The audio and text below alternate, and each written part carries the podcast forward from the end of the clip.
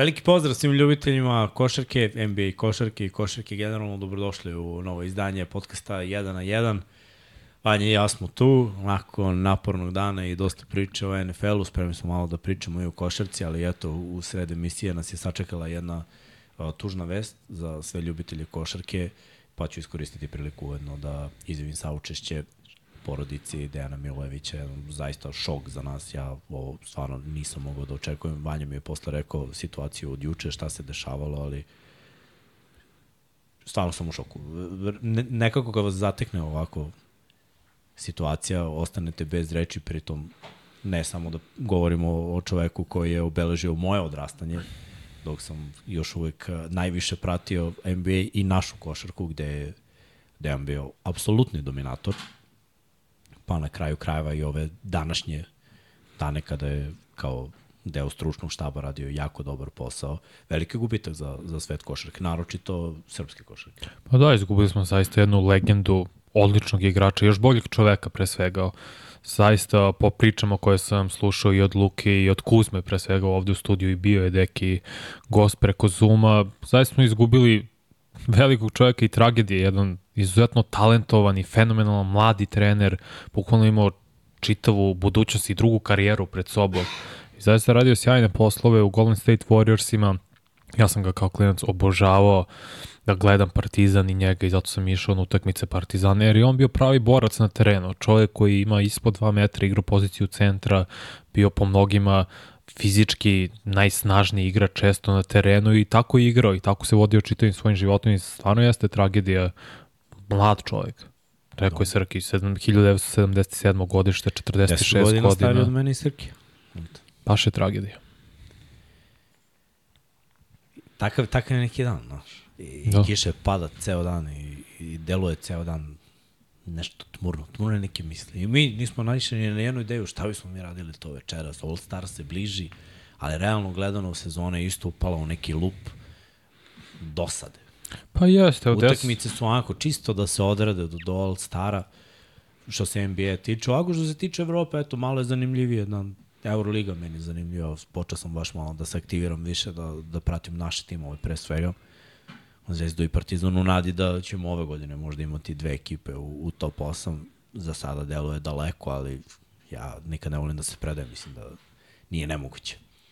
Tako da, taj, taj deo me više rado iskreno nego NBA u, u poslednjih mesec dana, pravo ti kažem. Od NBA neku vrhunsku utakmicu baš dugo nisam pogledao. Pa, bilo je sinoć par zaista odličnih utakmica na kraja krajeva i gledali smo i Joela Embida protiv Nikole Jokića. Philadelphia bila bolja ponovo od Detroit O, pardon, bože, Denver Piston, Denver, eto viš, počeo da brkam, Denver Nuggetsa i sjajne utakmice i za jedne i za druge, opet Embiid je bio fenomenalni, imao je preko 40 pojena, imao je 10 asistencija, nadmašao Jokića u toj kategoriji, Jokić je imao sjajan triple-double, 25 i 20 skokova, ali samo tri asistencije i neko mi delo i malo me zabrinjava činjenica da svaki put kad igraju Jokić protiv Embiida, Philadelphia igra žustrije, igra sa većom željom u osam susreta kad su igrali i jedan i drugi, Philadelphia ima šest pobjede samo dva poraza. Da li je to u Philly, u Denveru, skroz je nevažno i to bi potencijalno, ako dođe naravno do toga, bude playoff matchup, bilo veoma zanimljivo videti da li Denver možda ima probleme u odbrani protiv Embiida, protiv generalno sada ideologije i filozofije uh, kako se zove ovog trenera Nika Nursa koji u Torontu bio odličan trener, sjajan sistem je postavio protiv Embida. Verujem da nešto slično može da radi protiv Jokića, samo je umanjio broj asistencija, naravno nisu i igrači, njegovi saigrači pogađali na tom procentu, ali je bila odlična utakmica ta sinoć, bilo je odlična utakmica između, između Phoenix Sunsa i Sacramento Kingsa, gde su Sunci napravili odličan preokret, gubili jednom momentu 22 pojena razlike i preokrenulo se sve. Isto Clippersi su na kraju pobedili uh, Oklahoma City Thunder, ali vidiš te mlade ekipe Sacramento i Oklahoma, muče se protiv veteranskih ekipa i to njima može da predstavlja ozbiljan problem, Oklahoma izgubila pre nekoliko dana i od Lakers takođe. Mm. To može njima ozbiljan problem da predstavlja u play-offu. Jer... Pa da, pa stalno pričamo, pa evo prošle godine smo baš pričali o tome, ti si video Sacramento, a ja da, samo da će pronaći način da izgube, ne da će Golden State biti toliko bolji. Samo eto, veteransko, veteranska ekipa, veteransko prisustvo, to neko iskustvo, to puno znači u, u playoff utakmicu. I u seriji, zapravo. Ok, možeš ti da izgubiš koji meč, ali zapravo treba čitavu seriju pobediti ili izgubiti. Ali ovo što si rekao za Filu, znaš šta, ja i dalje verujem da je Fila Philadelphia 76ersi su mi Dallas Cowboys. Iskreno, ja dok, ja dok ih ne vidim da pobede, da dođu u finale, isto ako neću uopšte da pričam o tome šta bi bilo da se susretnu s Denverom. Za sada je oni i Denver samo u regularnom delu. Da pobede u play-offu, ok, prvu rundu mogu da prođu, ali ja ne pamtim kada je Filadelfija u mojim očima imala šanse da ode u finale istoka a ne u veliko finale. Znači, za njih je problem stići do finala istoka, što je, složit ćeš se sa rosterima koji su imali sramotno. Sramotno jeste. Kao i za Dallas Cowboys je isto. Uvek dobar roster, uvek dobar priču, da. uvek odlično u regularnom delu i onda čak i kod kuće ako igraš u play-offu ne mm -hmm. možeš da pobediš.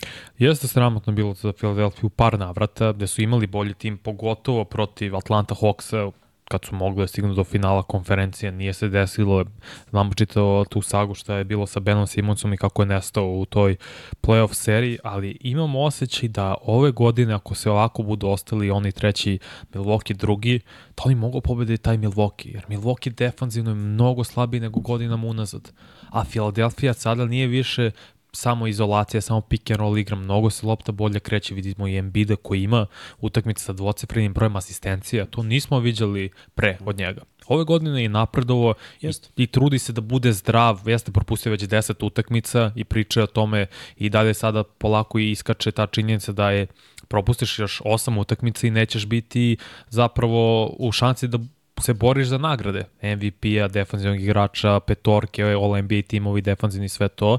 Tako da vidimo, vidjet ćemo kako će sve zvezde to da tempiraju postepeno. Ali Fila ove godine, pre svega zbog nivoa igre koje je loši od strane Milwaukee-a, ima šanse njih makar da pobedi ako budu i dalje drugi, treći. A blizu je Fila da prestigne Milwaukee da bude drugi seed na istoku trenutno. No, mislim da je njih šansa jedino ako budu prvi seed, a to deluje nedostično. Ne, Boston mislim da je na jednom posebno, posebnom nivou.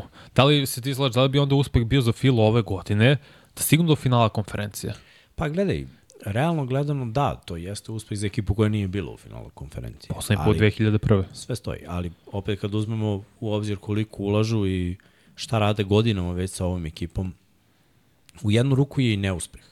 Ne stići ni do jednog velikog finala, imaš i MVP-a i ekipu koja se gradi godinama oko tog MVP-a mislim, različito, zavisi kako posmatraš. Mi sa strane kad posmatramo smatrat ćemo da je uspeh jer nas ne brine previše, ali kako gleda vlasnik Filadelfije, kako gledaju ljudi u Filadelfiji, ja sam siguran da gledaju kao neuspeh. Sve sem finala, velikog finala, je neuspeh. 76ers i dugo nisu osetili uspeh. Znaš, ovo je plasman u playoff, to je super, mislim, ulaziš u playoff, sve je okej, okay, ne dobiješ za učešće u finalu konferencije nika, ništa. Ako bar dobiješ ono, bio si prvak istoka, Baner, bar male. nešto, baner. Pa da, pa, to, to je neki uspeh. Mini uspeh, ali je uspeh. A oni ne stižu dalje od druge runde, mislim, to je poražavajuće. I opet e, stvaraš neku negativnu hemiju. Ekipe koje se susreću konstantno s nekim limitima ne znaju posle da premoste taj limit ekipe koje gube u velikim mečima, posle ne znaju da pobede veliki meč. Vidjet ćemo, mene, mene iskreno zanima. Mislim da, da je otvoreno, samo ja u njih ne verujem. Mislim, kažem, bukvalno su mi isti kao Dallas Cowboys, koji od 95. nisu ušli u finale konferencija, eto i ovde isto priča manje više. To su dobre ekipe, uvek u, se priča o njima, jer su sportski gradovi u pitanju. Mm -hmm. Uvek imaju dobre igrače, uvek imaju trenera koji može da odradi kampanju da bude najbolji trener godine. Dosta promena se pravi uvek, čak i kada biraju visoko, znaju da izaberu kako treba. Ali fali uspeh. I u play-offu uvek choke. Eto, to su, to su najveći problemi. Kalo pita, jel si jakam trener? Jeste. Tako je, sad Ajde to da teo. Ajde, pa ćemo se vratiti. Tako je, vratit ćemo se posle na ove ostale utakmice. Jeste Pascal Siakam je trade, ono Indiana Pacers, ono što smo pričali za Pacers i što je bila moja ono, želja za novu godinu za njih jeste da traduju za Siakama, da dovedu jednog ozbiljnijeg veterana koji igra i odbranu i napad. Ono što su sve dali Pacers jeste Brusa Browna, Jordana Nevoru i dva pika prve runde, zapravo tri pika prve runde, dva pika na sledećem draftu, predstojećem 2024. godine i pika prve runde 2026. godine. Lepo je to. Otišao i Kira Lewis takođe u Toronto, pošto je bio trade sa tri ekipe i, i Pelicans su se uključili, oni su dobili pare za uzvrat, ali to su dobili Toronto Raptors i da imaš na narednom draftu tri pika u prvoj rundi, o, ogroman draft kapital, nije isto kao u NFL-u, ali svako je sjajna stvar za njih. Znali smo da će da se otara se Paskala Sijakama i sada vidjet ćemo kako će Sijakam da se uklopi u ovu igru Indiana Pacersa koji sa Rikom Carlaja vole da igraju izuzetno brzo povređeni, da Halliburton propustit će on par nedelja. Zato kako im je... ti deluje njegova povreda? Pa zadnje lože, nezgodno. Vi, ali si vidio, mislim, mm. špagu. Da, prepuna zadnje lože, nezgodno. Stvarno jeste nezgodno, ali ti to znaš najbolje. Ja, ja u, kad dok sam igrao nisam, košarku, nikad nisam, nisam imao to. U, u ovakvom stavu nikad. nikad. Ja. Mislim, na sprintevima sam znao da istegnem, ali ovako u raskoraku ne. ne. Ni, ne, samo uvek skočeni iz globovi su bili najveći problem, čak ni koleno, bilo šta, ni zadnja loža, ni, ni prepona, nikad nisam doživio tako nešto, tako da Biće teško vratiti se, svako, znamo koliko je NFL igrači, na primjer, to je možda i najbolje porođen, propuštaju nedelja. To je dve, tri utakmice, dve, tri nedelje propuštaju i bit će neophodno vremena da se vrati. Verujem da će se vrati možda početkom februara. ako tek. je samo loža, nije prepona, onda je bolje. Ako je prepona za lateralne mm. kretnje i odskoke, možda bude i više od mesec dana. Sve zavisi, na to je sve individualno, to stalno pričam. Ne oporavljamo se svi isto, naročito ne mladi o, i u odnosu na starije Kad sam bio mlad, znao sam se oporanjen za nedelju dana. Na kraju karijere igraš bez povredu, bolite sve mesecima, nikako da prođe. Ali Halliburton je mlad i verujemo. Za Sijakama može on da se uklupi dobro u, u ovoj ekipu. Mislim, on trči, on je uvek radnik bio. U, uvek je bio više atleta nego finesa. Tako da te stvari ima, može da doprinese, a Pacers je dobio još jednog uh, igrača sa velikim rasponom ruku, zahvalnog igrača na, na obe strane, može da pomogne i u skoku, može da pomogne kao poenteru u situacijama, jer, znaš šta, video sam ih kada su izgubljeni i šutiraju mnogo trojki. Sijakam nije trojkaš, ali može da im pomogne da nađu neka rešenja bliže košu. Mm. To bi možda bilo. Jer, jer evo, sedi se in-season turnira, kada je rešenje postalo Turner za tri poena u nedogled. Čekamo njegovu prvu Opi trojku, topin. on je centar, Topin takođe. Umesto da neko ponudi rešenje bliže košu. Mislim da će Sijakam svoje situacije tražiti baš tu sa neke polu distance, sa, sa postova. Znaš, on je igrač koji može da dobije. Napraviš mu mis meč i može da reši svoju korist. Pritom iz tranzicije može da bude ovo za njega pun pogodak, jer ako bude pratio brzinu Indijane, taj pace o kome pričaš, iz tranzicije može da dođe bar do 8, 6 do 10 lakih pojena iz tranzicije. Može, Halliburton, sad sam proverio, je zadnja loža u pitanju biće pregledan za 7 dana, tako da opet početkom februara delo je da je realno da se vrati na teren, propustit će veliki broj utakmica samim tim.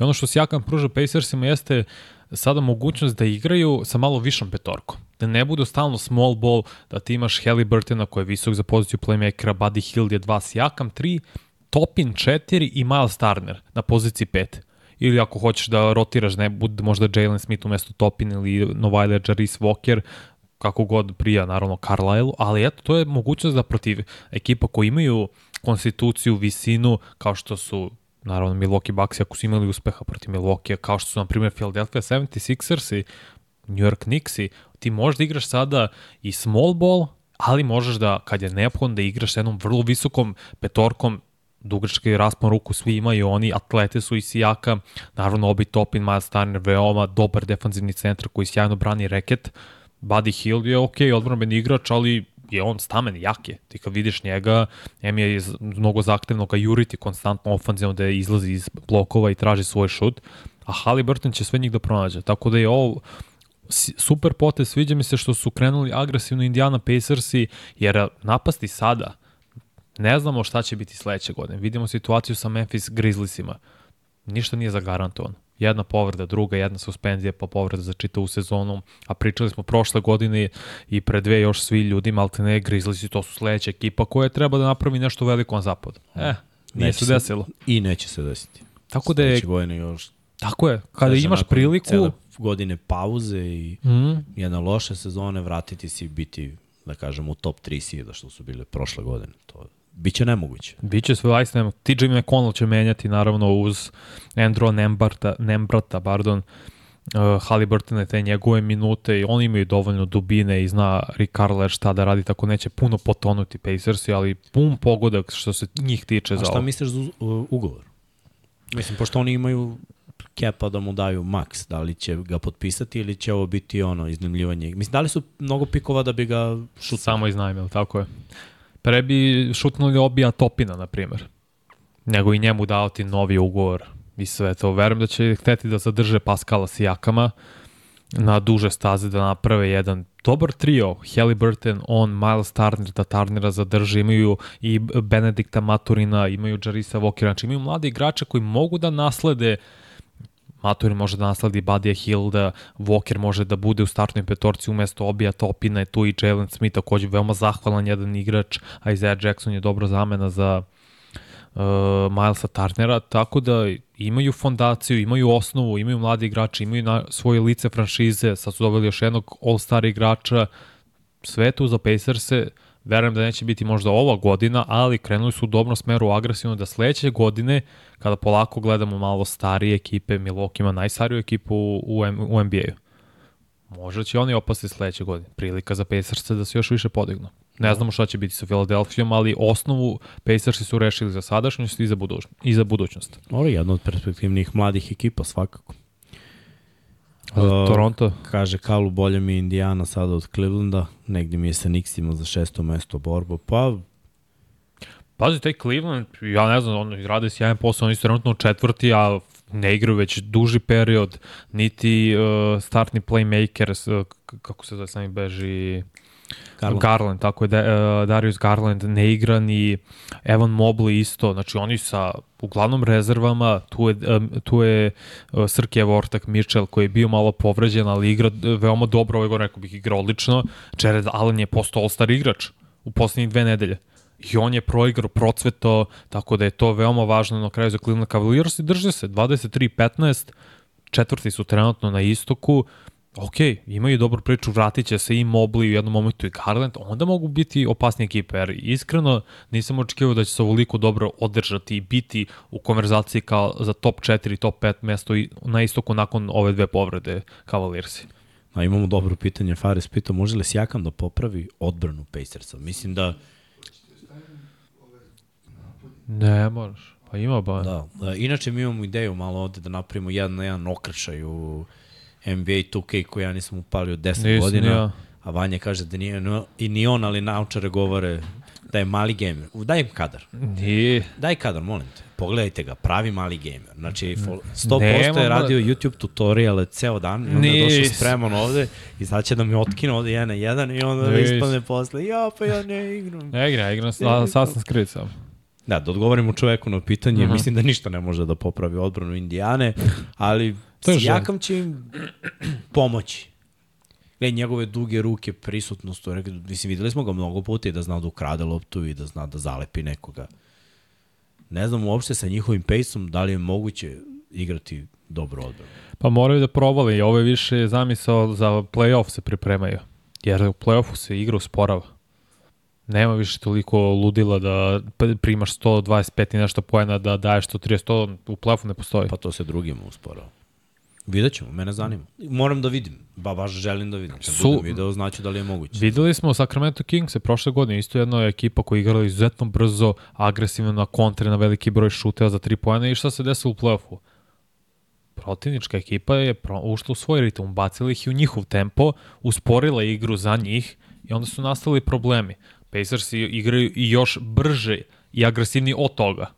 Stvarno nikad do sad nismo videli da jedna ekipa na ovaj način igra konstantno postiže preko 130 pojena, 140, 150. Vidni to posljednje buga smo videli bilo 80-ih kada isto bilo ovako ludnica, samo ne ovoliki broj šut, šute za tri pojena, već samo mnogo brza igra, mnogo brža nego što je bilo posle 90-ih i 2000-ih, ali teško će biti Pacersima da nabet. Oni bi trenutno igrali protiv Philadelphia. Vrh matchup ali da li bi mogli da suprotstave Embiidu, tu je Tobias Harris, opet i ovi imaju veličinu i konstituciju, imaju i brzog super zvezu mladog, zapravo reći all-star igrača u Terisu Meksiju koji je izrastao ove godine, koji je tu na nivou Halliburtona, Halliburton je malo iznad toga, ali Embiid je legitimno i, o, i dalje i ove godine MVP kandidat. I igra kao top 2 igrač u NBA. Ako njega ne mogu da zaustave, a usporit će Philadelphia, ne znam kako će u play-offu generalno da se nađe. Zato je doveden Jakam, da malo koji ima šampionsko iskustvo, poslednji igrač koji je osnovao iz te šampionske ekipe Toronto Raptorsa jeste bio Pascal Sijakam, više ih nema. Ima play-off iskustvo, ima šampionsko iskustvo, on će zapravo njima mnogo značiti u samom doigravanju više nego u regularnom delu sezone, dok se on uklupi u njihov ritam, da, defensivno da, će pomoći. Ali to njegovo iskustvo je neprocenjivo kada bude došao playoff. Uh, imamo par pitanja. Prvo je zašto su Neci tako propali 3-14 u posljednjih 17 mečeva, kaže ne pratim ih ili imaju povrede neke, pa imaju, ali imaju i podboče. Mislim, neki igrači koji su dominirali na, na početku su jednostavno stali. I realno gledano, oni su i bili ono, projekat. Mm -hmm. Mnogi ekipe su krenule jako ovu sezonu, pa se na kraju svelo na ono što zapravo jesu. A, mislim, Neci, ruku na srce, prošle godine su playoff obezbedili sa potpuno drugim rosterom od onog rostera koji je ušao od playoff. Pa jeste. I... Imaju oni dobri igrače, daleko od toga, ali kao tim to nije to. Nije, ali upravo poenta je to je ovo što si ti rekao, imaju dobar igrače, nemaju odlične igrače. Očigledno, Mikael Bridges, koga svi volimo i nije propustio i ove godine utakmicu, on je veoma dobar igrač. On je potencijalno all-star igrač, zvezda svakako, ali on je igrač koji će ti predvoditi franšizu, koji će biti opcija broj 1 u NBA. To nije. Cam Thomas je samo poenter, koš getter. On isto je u šampionskoj ekipi realno četvrta opcija. Ovi ostali su... I ima utakmice kad, ne, kad ga nema. Tako je. Bilo, ono, koliko nije, je bilo? 20, utakmice? Tako je, 20 promašenih. 0-20. Katastrofa. Znači, nestane. Ovi ostali su zahvalni igrači kao što je Cameron Jordan. Samo sekund. Mhm. -huh. Srki, ljubite brat. Možeš čaj da staviš bratu. Hvala. Uh, neće, nema da se kućiš. Treba mi, ne, treba mi nešto da ne se utešim kad Vanja... Ma jok, lagano. Sve okej. Okay. Ne treba imam. Daj mu nešto kratko i ljuto, pošto kratko, ljuto. se spremamo za 1-1. Pa da, ispoštujemo ime podcasta. Ali to su sve zahvalni igrači, Spencer Dinwiddie, Cameron Johnson, Ben Simmons je odigrao samo šest utakmica. Očigledno je limitirana, veoma limitirana ova ekipa Neca.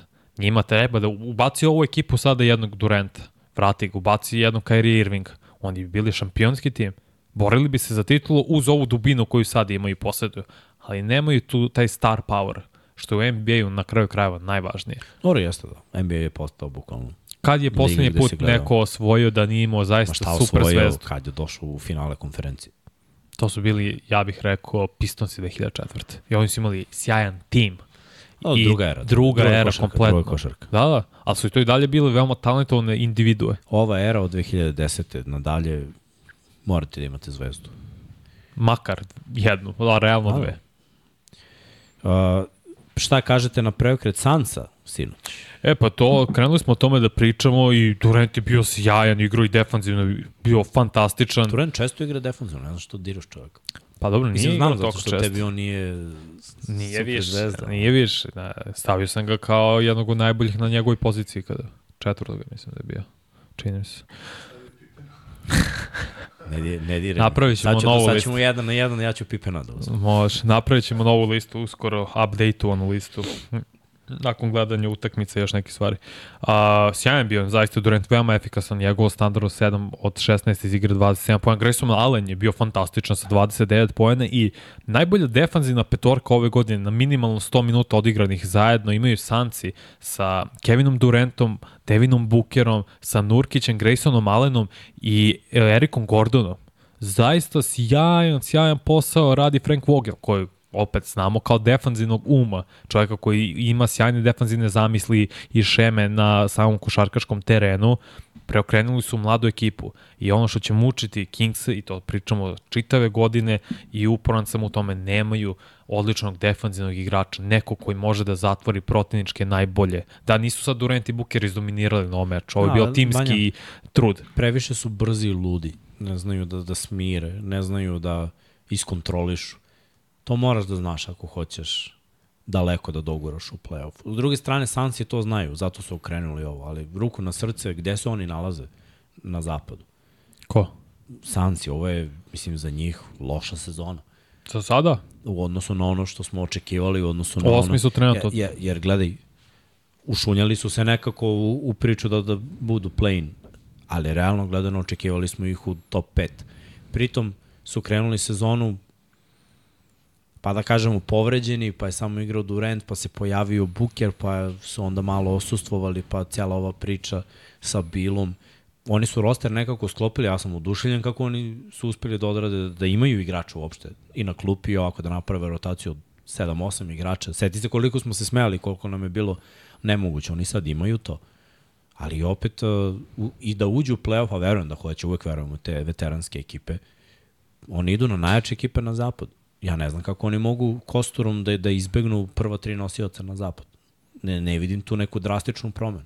A onda ako se to bude desilo, kako oni mogu da, da produži dalje? Jedino da im naleti ovako neka ekipa, tipa Oklahoma ili ono, mlada ekipa, neiskusna i da oni to reše na iskustvu. Pazi, trenutno su osmi, blizu su na jednu utakmicu od... Koji ćeš čaj? Neki zimski. Daj mu zeleni čaj malo. Imaju, ima ona višnja, brate, neke voćne tako. Daj mi nešto, da, da me prodrma, da, da se razbudim za, za vanju. Šta sam teo? Da išli bi trenutno, mislim, osmi su su- igrali bi play možda bi došli ako bi pobedili opet Kingse koji su trenutno sedmi na to sedmu poziciju, igrali protiv Oklahoma. Može da se desi opet. Oklahoma isto ima jedan veoma ozbiljan problem. Moraju da idu sada malo više da ulože za sadašnjost. Imaju veliki broj pikova u narednih nekoliko godina, u narednih sedam, ne, ja ne znam koliko više imaju pikova, da li 20 pikova u prvoj rundi u narednih sedam godina. Sa onoj presti odradio si jedan posao što se tiče draft kapitala, ali moraš sada da osetiš moment kada da uložiš. Imaš odličnog igrača u Shai, u Shai Gilgis Alexanderu koji je MVP kandidat, imaš Četa uh, Holgrama koji igra kao uz Ve- Vembanjavu Novajlja godine, Jalen Williams izuzetno napredovo, delo da oko njega možeš da gradiš kao i oko Josha Gidija, ali si najgore ekipa što se tiče skoka. Moraš da dovedeš centra ako misliš da se boriš sa ekipama sa zapada. Jer su ih na sličan način pobedili i Lakers i Clippers, samo Clippers i na veći talent, jer je Paul George sinoć odigrao fenomenal. Bio je toliko impresivan u poslednji četvrtini 18 pojena od njegovih 38, baš je kontrolisao sav ritam, Kawhi Leonard na kraju imao odlične defanzivne uh, odlično defanzivno odrađene zadatke, sačuvao Šaja, imao pa, lepu blokadu nad njim. Kawhi Leonard, ako ne mora previše ofanzivno da se troši, a ima, hvala Bogu, igrača oko njega koji mogu to da rade, on će čuvati najboljeg defanzivnog protivničkog igrača i zatvorit će ga. No. Jer je i dalje sposoban za to. O kako nije pa čovjek, Terminator. Baš kad smo kod Oklahoma imamo pitanje, Boža kaže šta mislite, ali postoji neka šansa da Oklahoma napravi neki trade i tu uključi i Micića? Da li se to pominje uopšte i gde bi volili da ode hipotetički pričamo? A sad, znaš koja je fora sa Micićem, koliko zapravo timovi gledaju evropsku košarku i koliko ih interesuje. Da, Vaso je ozbiljan evropski igrač, ali za NBA on je kao i bilo koji drugi ruki neistražena teritorija. Niti mm -hmm. znaš šta možeš da dobiješ, niti znaš kako će on da se uklopi, niti znaš da li mu odgovara stil igre. Zato ne znam, ako je uključen u trade, to je samo ono još jedan igrač koji ide uz ovo ili ono. E sad, Vanja je pomenuo, imaju pikove, mogli bi da zatraže neku zvezdu igrača, ali koji, koji timovi sebe ne vide u play-offu sa nekim uspehom, pa su spremni da žrtvuju jednu zvezdu, jedan takav ugovor, da daju to Oklahoma i da uzvrat dobiju pikove za budućnost. Ko je spreman da ide u rebuild i da li bi u sklopu takvog trejda prihvatio jednog evropskog igrača?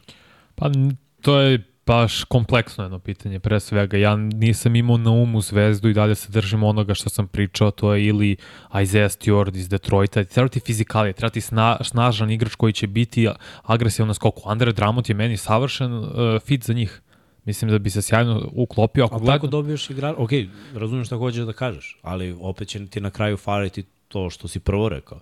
Star power imaš samo šaje. Ok, ima Shai, Jalen Williams je, ali oni su mladi, oni ne trebaju sad da, ako toliko da žure kao možda Pacersi, ako žure, ok, gledaj ka Markanenu, na primjer, ka Juti, pozovi Ajde, da. Jutu. imali smo pitanje za YouTube. Utah mislim da je ono, mislim da sad su deveti i napravili su jedan dobar niz, imaju 22-20, znači pozitivni su što je najvažnije za Da, njih. Ima ok roster, mislim oni stvarno igraju loš, ali njihov roster nije loš. Popravili su se značajno, pre koliko smo ih videli pre dve, tri nedelje, bili su van top 10, bili su ja mislim 12 na zapadu. Znači su popravili su se sada, igraju bolje, još jedan igrač kog bi ja pozvao, to je tim koji bi pozvao za tog igrača, jesu pozvao bih Bullse za Vučevića. Tako Što je. se tiče. Oklahoma City-a. Tako je, to mi Jer- pričam. Bullsima treba budućnost. Tako je. Zna, znali bi šta da urade s pikovima, a ti dobijaš Ti, ti dobijaš... Pick and roll. Tako je, ne samo to, dobijaš i stabilnost na skoku. imaš double-double svaku tekmu. Sam mislim njega i, i Holgrama, obojica mogu da rašire. Vučević je dobo, dovoljno dobar šuter. Ali radi ono što jest- Holmgren ne radi, to je niski post. Tako je. Ne može Holgram, dobro je prisustvo u reketu, ima veliki broj blokadi, ali i su loše na skoku jer su mali i dalje igraju small ball. Potrebno ti je jedno veliko telo, ok, Vučević bi bilo dobra zamena, Dramond, ako hoćeš možda Markanena, to bi bilo zanimljiv eksperiment jer Markanen je četvorka koji može da igra trojku u NBA, u današnjem NBA-u. Tako da bi to bilo, mislim, zamisli petorku, njega, Holgrema, e, e, SGA-a, Gidija i Jaylina Williamsa. Brate, svaku to da li te može da šutira. Prvo. Svako može... dođe Vuč, onda, mislim, Vasi se isplati da ostane da igra drugu petu. Tako je. S njim. To je ono, direktna balkanska konekcija. Pa da, i da pošalješ Micića kad smo već i dotakli se njega u Chicago. Ok, bio bi tu u rotaciji, dobio bi, ja mislim, više minuta i prilika nego... Ja, drugi i pace, drugačije. Tako je. Veće šanse. Znači da. Kobe White stvarno igra veoma dobro ove godine i drago mi zato što igra Kobe White dobro i rezultat. Ali ako već ulazimo u te trade-ove, Chicago bi još neke igrače poslao dalje. Bi, čekamo moment, malo je sada zatišje što se tiče priča i diskusija oko Zeka Lavina. Nema puno potražnji, nema puno ponuda, nije ono šta su se, čemu su se nadali zapravo Chicago Bullsi da će dobiti, ne znam, dva pika prve runde za Zeka Lavina, jer je tržište takvo gde bi ti njega mogo da staviš, koji bi tim sada rizikovao za njega. Možda ti pay, se- pardon, 76ers imaju tri pika svoja, tri pika prve runde, imaju i ugovore koji ističu, mogu to lepo da se naprave trade priča, oni imaju dovoljno kapitala za sve to.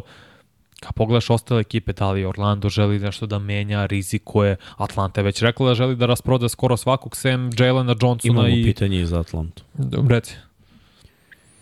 Video sam malo pre negde. Aj kad pronađeš i svako Bulls i ono, trade deadline je, čini mi se, traje još 23 dana. Ja mislim da sam to pročitao danas. Tako je, ajde da kažemo još 3 nedelje imaš na raspolaganju da napraviš određene poteze, da promeniš ekipu. Chicago Bullsima je stvarno potreba svež uh, početak. Iznova sve. Jeste. Meni je veoma žao bilo i ružno to što su na ovoj dodeli, što su napravili novu stvar Ring of Honor za njih tu generaciju 95. 96. što su zviždali i govorili određene stvari kad je bilo prozvano ime Jerrya Krausa, GM-a, a on je čovjek preminuo, žena njegova je bila tu Da, to je Dobro, stvarno šta? jedna nezahvalnost jedna. s jedne strane jeste i ružan je potez jer čovjek nije tu. Ali da je tu, uh, znaš šta, Jordan je ipak preveliko ime u Chicagu. Yes. Onda kad jedan Michael Jordan u svom dokumentarcu deset puta isproziva čoveka, da je on kriv što je ta ekipa bila rasparčana, a ruku na srce da je ta ekipa ostala 99, mislim mogla je da ostane, 99. 99. godine, pa možda i 2000. a 99. bi imali legitimne šanse da osvoje. Da se ne lažemo, ako su 98. odradili ovakav posao, zamisli isti coach, ista ekipa, još jednu godinu. Još više sa, odmora. Sa šest osvojenih i toliko puni samopouzdanja. Mislim, zato ljudi su zviždali, zato, zato ljudi ne vole. To je, to je preveliki uticaj Michaela. Jordan kad nešto kaže, video si i sam, mislim. Gary Payton kaže, možda sam mogao da čuvam Michael Jordan, Jordan uzme onaj iPad i krene da se smeje i ceo svet misli, važi što je Payton mogao. Ja razumeš? Tolika je moć, toliko moć ima Michael Jordan. Šta god on da kaže, mi klimimo glavom. Razumeš? Čak i Jordan Cats neudobnu patiku, on je rekao da je dobra i svi je kupujemo 40 godina. No, ne, ne za košarku, mislim, ne bi igrao u njoj nikada. Pa nije baš udoban ni za hodanje, jer ih imam pet, ali... A, promenili su, da promenili su John, da, razumem. Da. Uh, To je moć Michael Jordan. Jeste, to svakako. Pitaju zašto padaju u igri Atlante. To, to je bilo pitanje. Zato. Zašto padovi? Da, da, zašto padovi igri? Mislim, oni su izgubljeni. On, oni idu potpuni rebuild, samo nisu svesni. To, to je priča sa Hawksima. To je bio pokušaj da ova generacija par puta je ušla u playoff, ali čak nije ni bila dovoljno uspešna kao ona prethodna generacija sa Horfordom, Tigom. Ta generacija imala veći uspeh nego ova generacija. A opet, obe generacije nisu imale šansu da dođu do velikog finala. Tako da je najbolje ići ponovo u rebuild. Ne, ne, nema šta. Zadrži ono što misliš da treba, jer oni ipak grade tu franšizu, treba prodavati dresove, treba imati neke dobre igrače. Zato mislim da, da, da će pre svega trade da ostane. Jer neko mora da, da vuče tu franšizu negde, ali za njih je sam ulazak u play na primjer, veliki uspeh. Ne očekujem apsolutno ništa od njih. Loše izgrađena ekipa, treneri tu nemaju nikakav udeo. Neke ideje su bile potpuno pogrešne i istog je trenutno takav da oni ne spadaju nikako u top 5-6 ekipa. A kad ne spadaš u top 5-6, kako možeš da ostvariš uspeh? Pa, na glavna stvar što si rekao, loše napravljena ekipa. Očigledno Dejonte Marej kao i Trae Young ne mogu da igraju zajedno. Oni imaju svoje brojke, naravno i malo je opala pro, uh, produktivnost Dejonte Mareja koji ima oko 21 poen, 5 skokova, 5 asistencija, ali on može mnogo bolje od toga, videli smo ga da igra bolje tu, tu poslednju godinu sa San Antonio. Da, Trae Young jeste lice franšize, I zaslužuje Trajan igrao sjajno ove godine. Ja ga ne, ne Banja, pretarano... On igra dobro svaki godin. Jeste. Ja kažem, meni je diskutabilno malo zašto momak sa njegovom konstitucijom ne može fizički da Tako igra je. dobro u odbrani. Ne može. I moje mišljenje je da previše forsira i da zbog toga ima veliki broj izgubljenih lopti. To su Isam. mane koje on može da usavrši. On ima asistencija, ali ako imaš 10 asistencija, 5 izgubljenih lopti, zapravo imaš ono, pet asistencija u mojim očima. Evo, ali mi se uvek vežemo, to. mi se uvek vežemo za ovaj pr, ono, prvi broj, veći broj, jer s druge strane vidimo kako Burton, na primjer, igra sa 10 asistencija, ali on ne gubi lopt i onda doprinosi drugačije ekipi, a Trey previše forsira, ali opet ima srca da uzme neke šuteve koji drugi neće. To, to je njegova prednost. Jeste, ima i pogađa. Bio je Jalen Johnson u koga polažu dosta nade povređen, propustio je 14 utakmica, propustio je 15, Deandre, Hartin još, Deandre Hunter, pardon, još jedno krilo. Tako da, loše sklopljen tim, Quinn Snyder kao glavni trener, on je kvalitetan trener. I videli smo šta je pravio sa sa džezima svih ovih godina unazad, ali očigledno nešto nedostaje toj Atlanti, nešto je loše, nešto je trulo u toj franšizi i zato su rekli Jalen Johnson i Trae Young, oni ostaju sve ostale, ćemo tradeovati, to je svi ostali su dostupni za trade, da li će se desiti, ne znamo. Vidjet ćemo, nadamo se za, zbog Bogdana pre svega da će napustiti Atlantu i pronaći playoff ekipu mnogo zbiljniju, da li je to New York ili je Orlando u mojoj glavi ili kogod drugi bude bio možda čak i Philadelphia, manje je važno, ali je prosto neophodno krenu iznova i teško je, jer opet Clint Capela nema šut van reketa. U suštini. On je odbrana, skok, pick and roll da završava. To je isto oko Rongu. Ako sam dobro izgovorio. O Kongu, izvini. O Kongu. Mešam iz, iz NFL. O Kongu. Isti igrač. To je isti igrač, samo je mlađi. Ti u današnjem NBA sa takvim igračem možda imaš petorku, ali ostala četvorica moraju da šutiraju za tri pojena. I da budu dobri šuteri. Što Hunter nije konstantno, Jalen Johnson je sve bolje, Dejonte Marin nije šuter takođe, zato je, loše, zato je ekipa loše sklopljena. Da je ova ekipa od pre 7 godina, 8, bilo bi mnogo druga priča. I bi borili bi se, bili bi opet bolji. Danas je era kada se mnogo šutira. Ne, znaš šta je, Kapela je svoj vrhunac imao u Houstonu, gde je živeo od lobova Jamesa Hardena, ali mislim, toliko godina u lige nije naučio slobodno bacanje da šut. Da ne pričam, ti kažeš ima van reketa, mislim, on po meni nema ni rešenje iz reketa ili je zakuca ili je kraj, nisam vidio od njega neko lepo rešenje, neki poluhorog. Znaš, ono, da se osjećajem, nabaci loptu na obruč ili tako nešto. To, zato su veliki problemi. Iskreno volio bih da, da ono, Bogdana pošalju što pre, pa da možemo o tome da pričamo, da napravimo neki Dobi, specijal. zaista, zaista bilo sjajno. Iskreno zaslužuje da, da ga vidimo u play-offu u nekoj ekipi koja će zapravo nešto da, da uradi. Šta mislite o tradu uh, Dejontea Mareja u Lakers-e? Pa pričali su, ponovo Priča da se su... dosta o tome, da ja Da. sam pročitao na nekoliko portala već, ono, krenuli su sa slikama već, ono, Dejounte u dresu Lakersa, pa ono, ne znam je se desilo i nije, znaš, ono, moram pročitam da vidim koji je izvor takvih spekulacija. A nije, javi bih ti ja. Ima, ima smisla, mislim. Ja verujem da čim postoje priče da će se i desiti na kraju. Jer nema drugih ekipa koje nešto jure pretarano.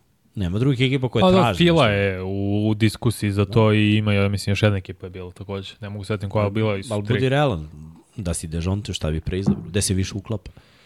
Lakers bi mu legli više. Pa pre, ne, zapravo bi preizabor Filu, zato što sam već na vrhu istoka, malte ne. U, diskusiji sam da budem tik ispod Bostona. Sa njim ja, Maxi, Ali ne Embiid, bi igrao istoj petorci kao Maxi. pa igra bi. Misliš da bi upao u prvu petorku? Pa da. Dejonte, nisam siguran. Jer ja ne znam prvo šta Lakersi treba da daju za Dejonte Amarea. Ko, koji igrače. Pa da, ne znam. Ne, ne znam kako to, i opet Lakersima ne treba jedan Dejonte Mare. I, iskreno mislim da, da ovoliko traje ceo taj proces sa Maren, zato što je zapravo tržišna cena mala, oni hoće više. Tako je.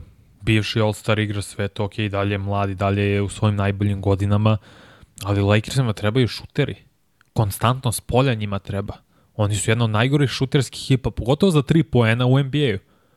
A to ih je koštalo prošle godine u finalu konferencije. Koštaće ih još više ove godine jer i dalje ne mogu da se sastave. Deseti su na zapadu, imaju negativan odnos između broja pobjeda i poraza. Tebi treba šuter, tebi treba Bogdan, na primjer.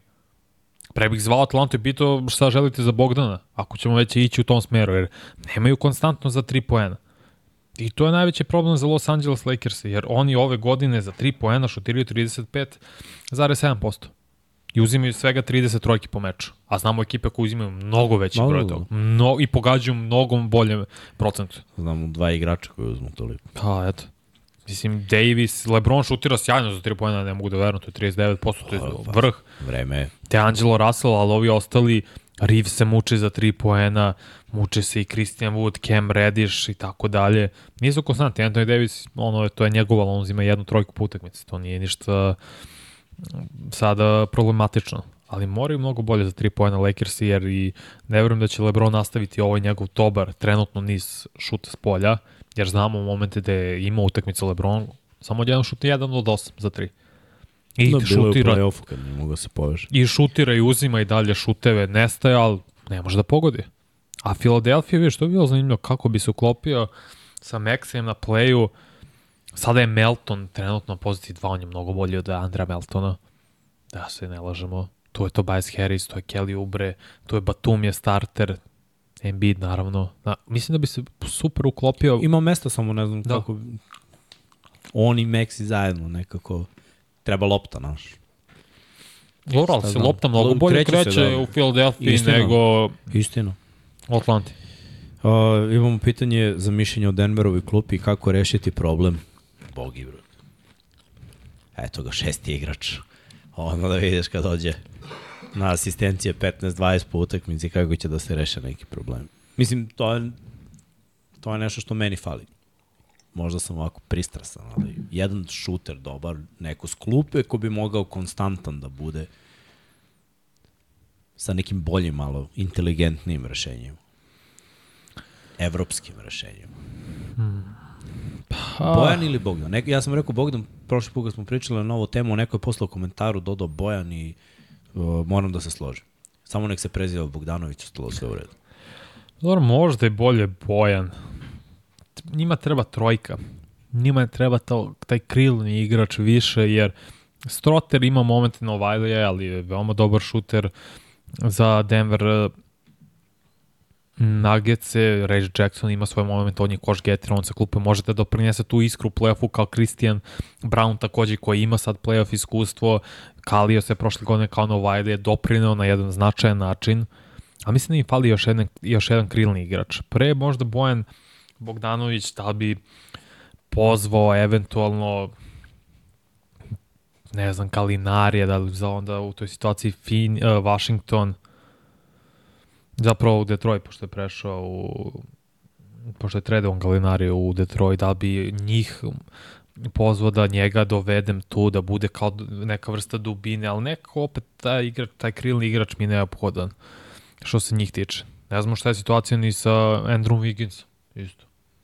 Da li će to tradeovati Warriorsi koji trenutno se ne nalaze u playoff slici šta više 12 su. Ako već vidiš da ti sezona ide ka dnu, da li pozvati njih za Viginca, da li tako onda Pa dobro, promeni Vig- sredinu. Wiggins je meni isto, ovaj, ako Warriorsi ne mogu da dođu u top 10, mislim da, da je to igrač koji će ići pre svih drugih, a opet to je šansa. Kako ti ta priča delo Koja? za Warriors? Misliš li da ima nade? Ne, iskreno. Ti si ih baš otpisao. Na igraju. crnoj listi. Tako trenutno igraju, zaista ne vidim ne znam šta treba da se promeni, ne znam kakav da, da potez treba naprave da bi unapredili svoju ekipu. Ja sam za to da oni daju što više prilika Mosesu Mudiju, Jonathanu Kumingi, pod Zimskom takođe. Što više njih forsira i Tracy'a Jacksona isto. Znači što više njih forsiraš da bi imao oko čega da gradiš, jer si već jedne igrače protraćio, ali ovako Chris Paul se oporavlja, i dalje nakon povrede Clay Thompson šutira 38% za 3 pojena, Steph Curry takođe ispod 40%. To su problemi, vidjet ćemo kakav će biti Draymond Green, izgubili su od Memphisa pre dve noći. Od Memphis Grizzliesa su oni izgubili pre dve noći. Dobro da kažemo da Morant ne igra. Ne- ne imamo ono, katastrofa, dobro, loše. Da, Ali dosta, dosta poraza ove godine koji nisu smeli da se desi za ekipu koja će playoff, naravno. pazi, zvao bi iskreno, možda je sada opet malo i ludilo s moje strane, ali bi pozvao Nece. Je li Bridges dostupan? Cameron Johnson, je li on dostupan? Ima playoff iskustvo, iskustvo u NBA finalu, što više. Mm. Pričamo o Denveru. Ako već idemo u tom smeru, šta je sa Dinvidijem? On ima playoff iskustvo, malo je delo da se izgubio u više necima. igra, više igra play-out, da kažem. Ne, da su jeste, znam, znam, znam šta je. Ali, okej, pozvao bi za Camerona Johnsona. Dobro, on je onako visok igrač, zanimljiv, igra odbranu, igrač. može da pogodi iz polja. Videli smo da se dobro snašao u Phoenixu, kad su igrali u play-offu, bio izuzetno koristan. O, ako necima ne ide, ja bih pozvao njih, rekao šta je situacija sa Cameronom, Cameron Johnson. Ok, razumemo, nećete Bridgesa da dajete, oko njega gradite, ali da li je Johnson dostupan? Što da ne? Sviđa mi se kako razmišljaš. Ta, šta ti kažeš, shvatio sam i stvar. Uh, imali smo još par pitanja za bakse, mogu li do titule, šta mislite? Ko je Bucks? Tampa Bay? Milwaukee. Ti što si pomešao? Neko je, neko je isto napisao, ako se susretnu Fila i Milwaukee, da će ekipa iz Wisconsina da reši bez problema NBA i Dallas Cowboys. što nije nerealno. Nije Što nerealno mislim uopšte. Da može vrlo lako da se desi. A što se tiče ove godine Milwaukee Bucksa, oni su meni u projekciji za finale istoka bili od početka sa Bostonom. To kaže papir, ali manje više to kaže i teren. Može neko da ih iznenadi, naravno, ali realno gledano kako oni mogu da odigraju, trebalo bi da reše seriju, jer izgubiti jednu utakmicu je jedna stvar, i konstantno gubiti od nekoga, to je nešto potpuno drugo. Uh, Mene brine. ima mana, Mm. ima mana, više defanzivno nego ofanzivno, ali mislim sve ekipe imaju mana, pričali smo već o tome, Svakom, svakome nešto fali. Boston deluje kompletnije, zato mislim da, da će Boston u veliko finale, ali možda se nešto desi, znaš, mo- možda i oni čoukuju kada bude bilo najvažnije. I to smo videli isto i od njih. Jesmo videli, nismo videli- toliko ove godine ubedljivo imaju najbolji Ove skor godine za sada. igraju skoro savršen. Da, je, Najpribližnije savršenstvu ove godine igraju oni i Tako je. Minnesota. tako je. Mene baš brine ta odbrana Milwaukee-a. Vidjeli smo, vidjeli smo momenti, ispratili smo zapravo Vuk i ja pozdrav za našeg brata Viconija utakmicu kad je Lillard dao 2500 trojku u svojoj karijeri za pobedu. Kad su se jedva izvukli u produžetku na kraju, zaista je bilo čupavo i mučili su, mislim da je to bilo protiv Sakramenta kad su ih imali, pa je Sakramento stigo, jedva su se ovi vratili na kraju u produžetku. I mene to toliko brine njihova nedostatak igranja odbrane, toliki pritisak stavljanja na Bizlija, na Lillarda da čuju najbolje protivničke spoljne igrače, da ti nemaš adekvatan odgovor. Nije ni Middleton neki vrh defanzivni igrač, da se razumem. I on je prosečan defensivni igrač. Protiv Bostona to će biti problem. Protiv Filadelfije ne nužno zavisi kakav će Maxi biti, ali pošto on igra s ogromnim samopouzdanjem, verujem da će napadati i nema problem da napade i Lillard i neke ozbiljnije NBA zvezde nego što je on trenutno, jer želi taj izazov, jer je opet kao Detroit Lionsi, Maxi je gladan, željan, ambiciosan i hoće sada. Hoće, pa i prošle godine hteo. I jeste, Prošle pokazuje. godine meni on bio najbolji njihov igrač u play-off. Tako i pokazuje. Je Harden je odigrao dobre dve utakmice, ali kad uzmemo sve, ceo uzorak, Maxi je meni pravo otkrovenje bio. Zato i kažem, I trebalo bi da dobije nagradu za igrača koji je najviše napredao. slažem se. Jer I, ima još i nekoliko Ima igrača, još, da. ali uvek ima, ali stvarno je Maxi i Halliburton, mislim, to njih dvojica, ali Da, da. Halliburton je prošle godine bio All-Star igrač, pa okej. Okay. Maxi nije. Maxi nije i zato je trenutno glavni kandidat. Gledam sad ove nap, uh, sastav Nece, Dorian Finney-Smith isto bi bio super rešenje za Denver. Royce O'Neal takođe, to su igrači sa playoff iskustvom koji odrađuju svoju rolu kako treba. Biće igrači sa klupe, ali ej, mislim da mogu da odrade odličan posao u šampionskoj ekipi. Tako da te nece treba videti, pozvati, opipati da li šta žele da, ali neki igrač dostupan, da li žele da naprave neki trade, o čemu oni razmišljaju za par nedelja, jer imaš ti tu kvalitetni igrače koji nisu iskorišćeni možda na najbolji način. Da, imamo pitanje da li je vreme da Golden State traduje Greena, Thompsona, Wigginsa i pokuša nešto od toga da dobije, jer ovo nema budućnost. Znaš koji je problem? Ti dok traduješ to i šta god da dobiješ, uh, Steph Curry gubi godinu. I zapravo je pitanje da li možeš da se pomiriš sa realnošću i da shvatiš da je dinastija prošla i da pustiš Stefa i da za njega, mislim da, da ih pustiš sve i da kreneš iz početka. Ili ako želiš da ostaviš Stefa, onda moraš da mu ostaviš nekog od ovih igrača, ali moraš i nekog da traduješ i da dobiješ nešto za uzvrat i da napraviš novu ekipu. Mo- Mora bolje da se bira. Imali su oni svoje izbore i svi izbori su im propali.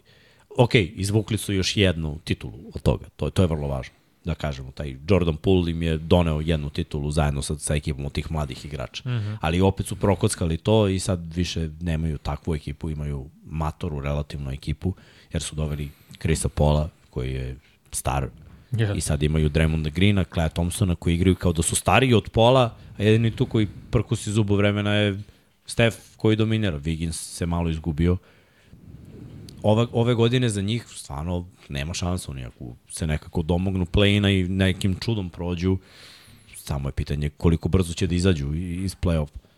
Ja ne znam. A ne znam ni da li uopšte mogu i, i da uđu sa ovakvom igrom. Ne znam šta treba da se desi. Ko, treba pre svega mnogo bolje da šutiraju iz polja, da i Clay Steph podignu svoj procenat za 3 poena preko 41%, da Draymond Green igra sve u ostale utakmice do kraja, da ne pravi gluposti, da bude na onom približnom nivou od pre par sezona, da je defanzivno i dalje bio jedan od najboljih u ligi, da je na taj način doprineo, ali to je sve šta bi bilo kad bi bilo. Izuzetno teško je opala i produktivnost Stefa Karija samim time kad je krenuo sjajnu sezonu prvih meseci i po koliko je beležio preko 30 poena, sad je pao na 26, 26 26,7, tako da i tu ima malo pad njegov igra, ali to je normalno.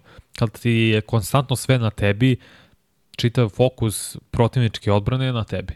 Da, mnogo, mnogo je, To je teško. izuzetno teško. Mora da igra, mora da igra sam. Mislim, naviko je, ali to ne čini posao lakše. A opet za njih je pravo pitanje da li su spremni da prihvate. Jo, još uvek to ti je on, Steph Curry je zlatna koka. I on i dalje daje zlatne jaja bez obzira što ekipa neće da ode u, u finale i da osvoji. I dalje možeš da prodaješ milione njegovih dresova i dalje je on tu najveći ime. On je, mislim, uz Lebrona i dalje najveći ime. Bez obzira na ove mlade, nove igrače. Jeste, on najviše publike Lebron i privlači. Steph. Znaš, to nećeš da daš. U, sa njim je arena puna. On uvek može da učini utakmicu zanimljivom. Pa ostaćeš sat vremena ranije da gledaš kako se zagreva. Sigurno ljudi kad od ja da idem na utakmicu tamo sedeo bi i sat i po vremena ako treba Uživo. i gledao bi ga kako dribla i šta šutira, sve te njegove rutine. To donosi on. Ali za pravi rebuild potrebno je da njega traduju. Pa, ove druge igrače da. mogu da ih traduju, ali opet Steph će biti u još gore situaciji. Još jedna sezona će biti bačena, on neće biti mlađi Neće imati pravu ekipu oko sebe i pitanje je da li će ta ekipa da dovoljno da sazri za dve godine, kada je on još stariji, da se eventualno Da, takmiči. to je kasno. To je baš kasno. Naravno da je kasno. To je baš Jer kasno. jako je teško da ti za dve godine pogodiš 3-4 pika i da ti igrači postanu starteri. Vidiš koliko vremena. Momci ulaze sve mlađi i mlađi, ali im sve više i više vremena treba da dostignu svoj potencijal. Tako. Evo pogledaj sada mlade dobre igrače. Kad ja uzmem kao Šaja kao primer. Ali? Šaj nije mlad. Ne, ne, ne, ali koliko je vremena trebalo da dođe do ovog Tako nivoa. je. Nije on to postao za godinu ili dve. Nije. Nego je sedeo i Bio je radio proces. i, i, trebao. Pa evo, malo pre smo pomenuli Maxija Heliburton, ajde Heliburton je i brže, ali Maxi je sedeo neko vreme da bi došao do nivoa, pazi, on čak nije ni All-Star, da bi došao do nivoa da bude malo bolji igrač. Pa koliko ima igrača koji još uvijek nisu All-Star, ali da kažeš ono, došli su do, do nekog respektabilnog nivoa. Denver ne bi osvojio da Jamal Murray nije, koji nije All-Star, odigrao na nekom određenom nivou. Koliko je godina trebalo? Tako je. Koliko? Previše. 6, 7. Još Stef povrede. nema vremena za te eksperimente. Ne. Zato ovo je možda i malo udovoljavanje njemu da ekipa ostane na okupu i da se gradi taj kvazi osjećaj da i, i dalje smo tu. Da. I, I dalje ga imamo. I koliko će uticati iskreno ovo što se desilo Dejanu Miloviću na njih? Sigurno hoće dosta. Sigurno, da. Ne, ovo, to, To ovo je- stvarno peh. Ovo je, Igrači su njega obožavali. Tragedija. Obožavali su ga bukvalno. Čoveč, ovde su ga svi navijači obožavali. Da. Be, svi. Ono, a znam, znaš kakav temperament imaju ljudi sa ovih Mm. prostora i koliko se neke stvari ovde praštaju i ne praštaju. Tako da ono, za njih baš jedna teška priča.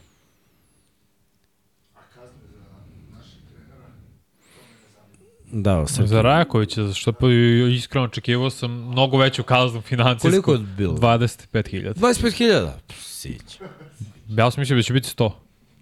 Za ono što kako je rekao i šta je rekao o NBA-u da je malte ne namešteno. Da, da, da. Stvarno To ne smeš da pričaš kao, to ne smeš da pričaš kao igrač, Da, a ne kao trener. a ta pozicija glavnog trenera u NBA ima ih 30. Tako da to baš je ono veliki no-no. Očekivao sam veću kaznu, opet to je, to, to, to je Toronto. Uglavnom NBA realno Toronto ne zanima zašto, zato što je u Kanadi, zato što je tamo na severu daleko Bogu iza nogu, u suštini. I tako igrači često pričaju, kaže volimo da dolazimo u Toronto, prelep je grad, jedan od omiljenih gradova da dolazimo, ali ne bismo tamo igrali i živeli. Tako i Liga isto ima mišljenje. Da je rekao, ne znam, trener neke veće franšize koja je trenutno u žiži, da je rekao možda ti Bodo iz Nixa ili Darvin Ham što se tiče Lakersa i tako dalje, verujem da bi bila i veća kazna. Mrajković u pravu. Tome smo pričali, znači ono je katastrofa bilo. Katastrofa. Da. Evo, Miki kaže, nisam mislio da traduju za mlade, nego recimo njih trojice iz Golden State u Pelicanse za Ingrama, Valenčino se, pa gledaj, zašto bi Pelicansi dali svog Koja je trojica? Vikings. Draymond i Clay. Za, ko, za Ingrama, pa da, ovi su pali sa, sa da, grane. Da. Gledaj, Ingram je najbolji igrač Pelicans. Najkonstantniji, Najkonstantniji. brate, to je i najbolji. Pelicans Jer- su ušli u dobar ritam sada. Jesu, ali uglavnom kada kažeš Pelicansi, šta ti je sigurno? Ove godine od duše zajedno najde igra, ali Igra. sigurno ti je Ingram daje 20 po tekmu. Igra. Igra i jedan i drugi igraju dobro. Ne bi nikog dao. Tako je, njima nije u interesu. U interesu da prihvatiš tri veterana je samo ekipi, ali opet nije ti u interesu da daš svoje dobre igrače.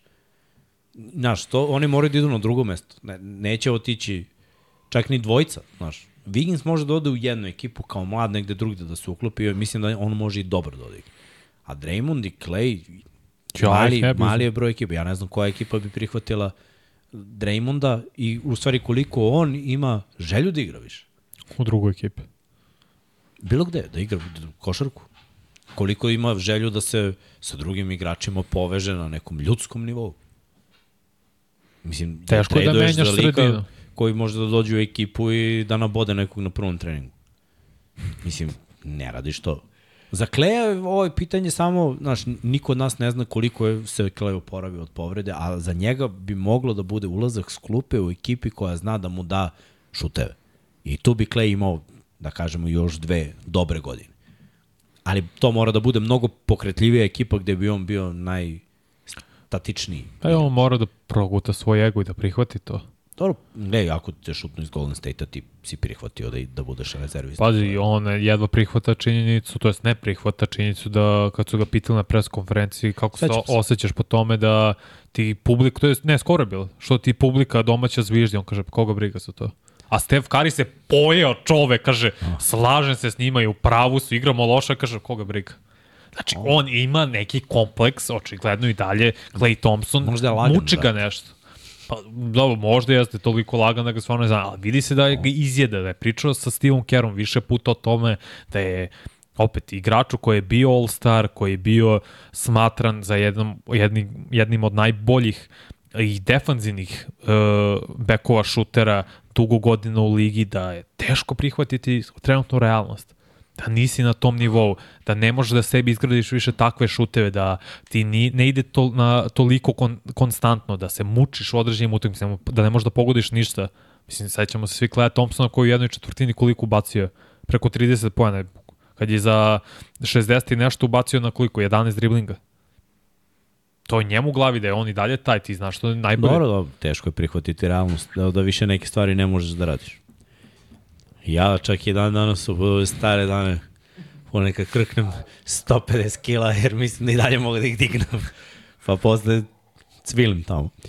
Ali ovaj, to ti je, to je bolest za koju nema leka.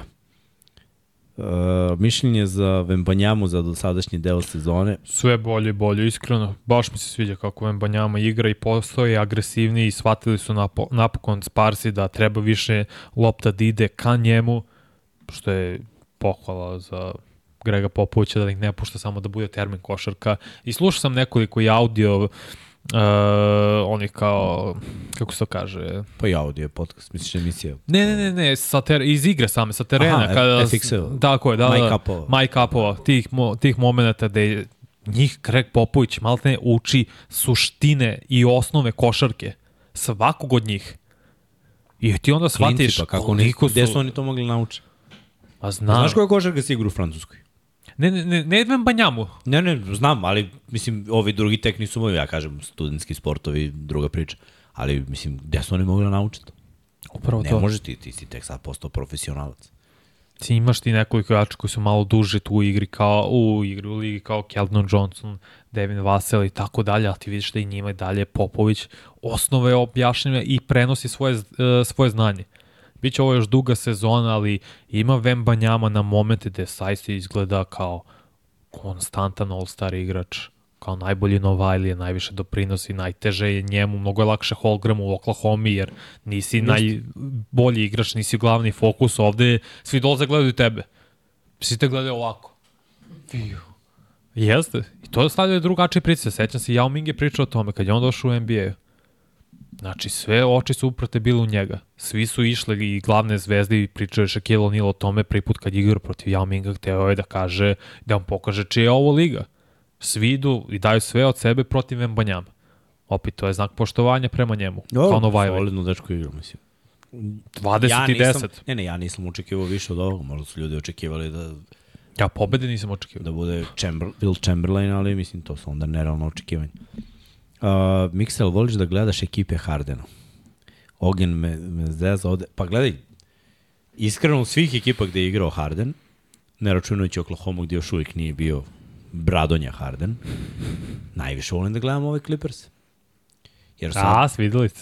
Pa ne, i dalje to nije, ali ne zbog njega, nego on je ipak najmanji deo svega što gotivim tu, jer Russella obožavam, Kavaija gotivim, Paul George mi je uvijek bio ono, dobar igrač za, za pogledati i onda okej, uz sve te igrače da ćušnemo tu i, i Hardena. Dok je bio njegov show u, u Houstonu, ni, mislim, gledao sam, komentarisao sam, nije mi bilo prijatno da gledam neke utakmice, jer ne volim taj stil. Ono, svi se sklonite ja. U Fili, mislim, ono, kažem, to su Dallas Cowboys i tako da mi je ono, sve jedno, od, nisam mnogo očekivao od njih. A još nešto je bilo ovde, hoće li biti petak, u petak eh, 99 yardi, hoće, ali teo sam da zamolim ekipu da bude malo ranije, pa možda ne Ranije? bude 8, da. Sve. Imam neki rođendan, pa bi da može u u sedam. 6. U šest. Pa u 6. Pa, Znaš da mi trajamo 4 sata, mislim. Da počnemo u 7 i isto koji u 8, no, Završit ćemo u ponoć. Mora po, po, pogleda raspored. Imamo i raspored. Tako da molim. Nekada smo Evo, bili bre prve zvezde, ovde dođemo i kažemo tad i bude tad. Evo Aminovo te sada upravo. Da. Ja se izvinjam što jedem plazmu, misliš, da. Vanja se pojačava kalorijama da izbriljira ovde. Da, sad ćemo da U upalimo. to okay. Uh, pitaju nas nekoliko puta je bilo pitanje Aj. šta mislimo ko je najteži protivnik na zapadu za Denver. Mislim da smo nekoliko puta rekli da je to Minnesota. Clippers. A ja sam u posljednje vreme našao ovaj, da li je na ESPN kanalu ili gde, u shortovima, u slow motionu, jedan na jedan, Anthony Edwards, kako rešava drugi igrač. Kad je rešio Viginca, Vigginsa je jedno od tih, ali ima još, ima još. Ne, bila su još neka zakucavanja, ovo je bio shoot fade away protiv Vigginsa, ali bilo je još zakucavanja nekih, brate. Koliko različitih pokreta, mm. kakav arsenal, kakav atleta, kakav ubica. brutalno. Ja ne znam. Mislim, okej, okay, Gordon bi verovatno imao zadatak da pogine. Da, da ga čuva. Ali Mi- Minnesota je baš kada. Mislim da bi oni namučili Denver dosta. Jer imaš dvojicu visokih, Jokić bi morao da odigra najbolje ikada. Ovi iz polja bi morali baš da izdominiraju. Šut Denvera bi morao tu da bude dobar. Potpuno drugi matchup. Mislim, i prošle godine, bez ove ekipe, ono, kompletne, sa ovom hemijom, koja je bolja nego prošle godine, oni su najviše namučili Denver. Pa niko ih u play-offu nije namučio. Ma ni u finalu se nisu pomučili Nisu. koliko u prvom kolu play-offa protiv Minnesota. Minnesota je opasna ekipa. Imaju tu veličinu, a imaju i rešenja. Imaju i Rudy Gobert, zaista igra odlično ove godine. Dobro, Ponovo je Jokić za njega priče. ima rešenje, to, to me ne brine. Rešit će on Rudija. Ne veze, ali ponovo ima priču za da bude defanzivni igrač godine. Vidi se da je to druga ekipa ove godine, Minnesota, Timberwolves i kada ima double-double, Gobert, imaju 21 pobedu i samo 4 poraza. Znači, očigledno dosta do njega samog zavisi. Da, napredovo je Anthony Edwards, nemo da se ne lažemo, igra na all-star nivou, podigo je svoj nivo igra, Carl Anthony Towns takođe prihvati ulogu drugog igrača, što je skroz validno. Mike Conley ispod radara, sve to lepo, uh, kako se to kaže, diriguje na terenu kao playmaker, startni playmaker, njihov veteran koji ima playoff iskustvo, mnogo playoff iskustva. Uvek sam voleo Conleya. Znam, Hefty lefty. ali meni su Clippersi najveće pretnje. Znaš da je Conley desnoruk? Mislim da sam to, da si mi to rekao, čini mi se. To je ludilo, bre. Kao Nadal. Nadal je desnoruk. Njega terao uvijek da igra levom. Gledao sam ga kako šutira bacanje desno. Atleta, brate, na tatu. Svaka je bio sviš. Kako ne bude, brate. A šutira levo. A, pa zove, jeste. Bolest.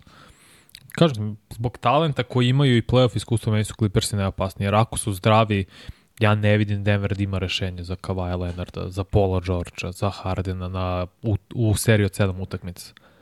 Clippersi mogu da smisle neko rešenje za ostale igrače. Ja mislim da će Jokić protiv Zubca imati svoje tekme, a opet malo je i teže Jokiću protiv centara iz regiona nego ovih drugih. No, Tako se neko stekao makar ja utisak, možda grešim. mnogo bolje školovanje ovde za visoke igrače Naravno. nego tamo. Možda ja grešim, ali mi deluju da Clippersi, da Denver Nuggetsi, ako se to bude desilo, nemaju rešenja za Lenarda pre svega koji u play-offu drugačija zver.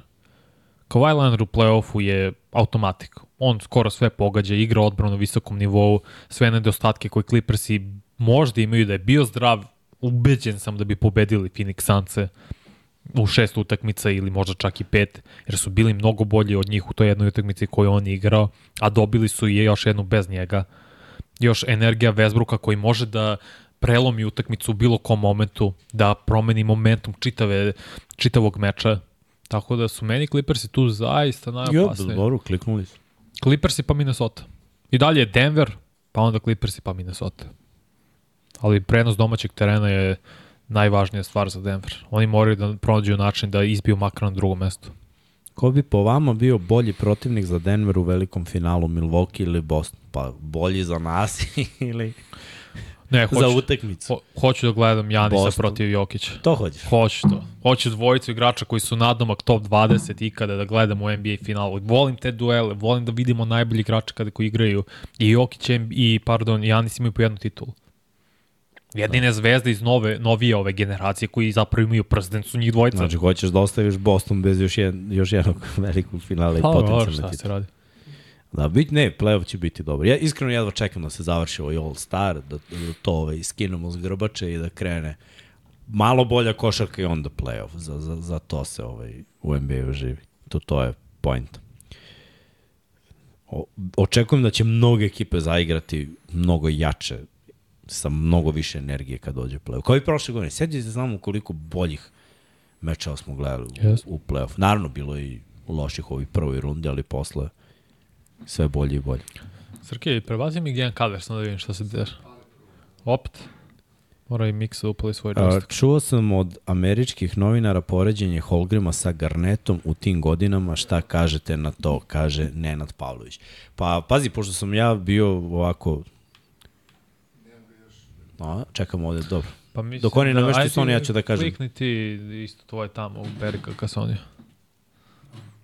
Ka Sony iza tebe.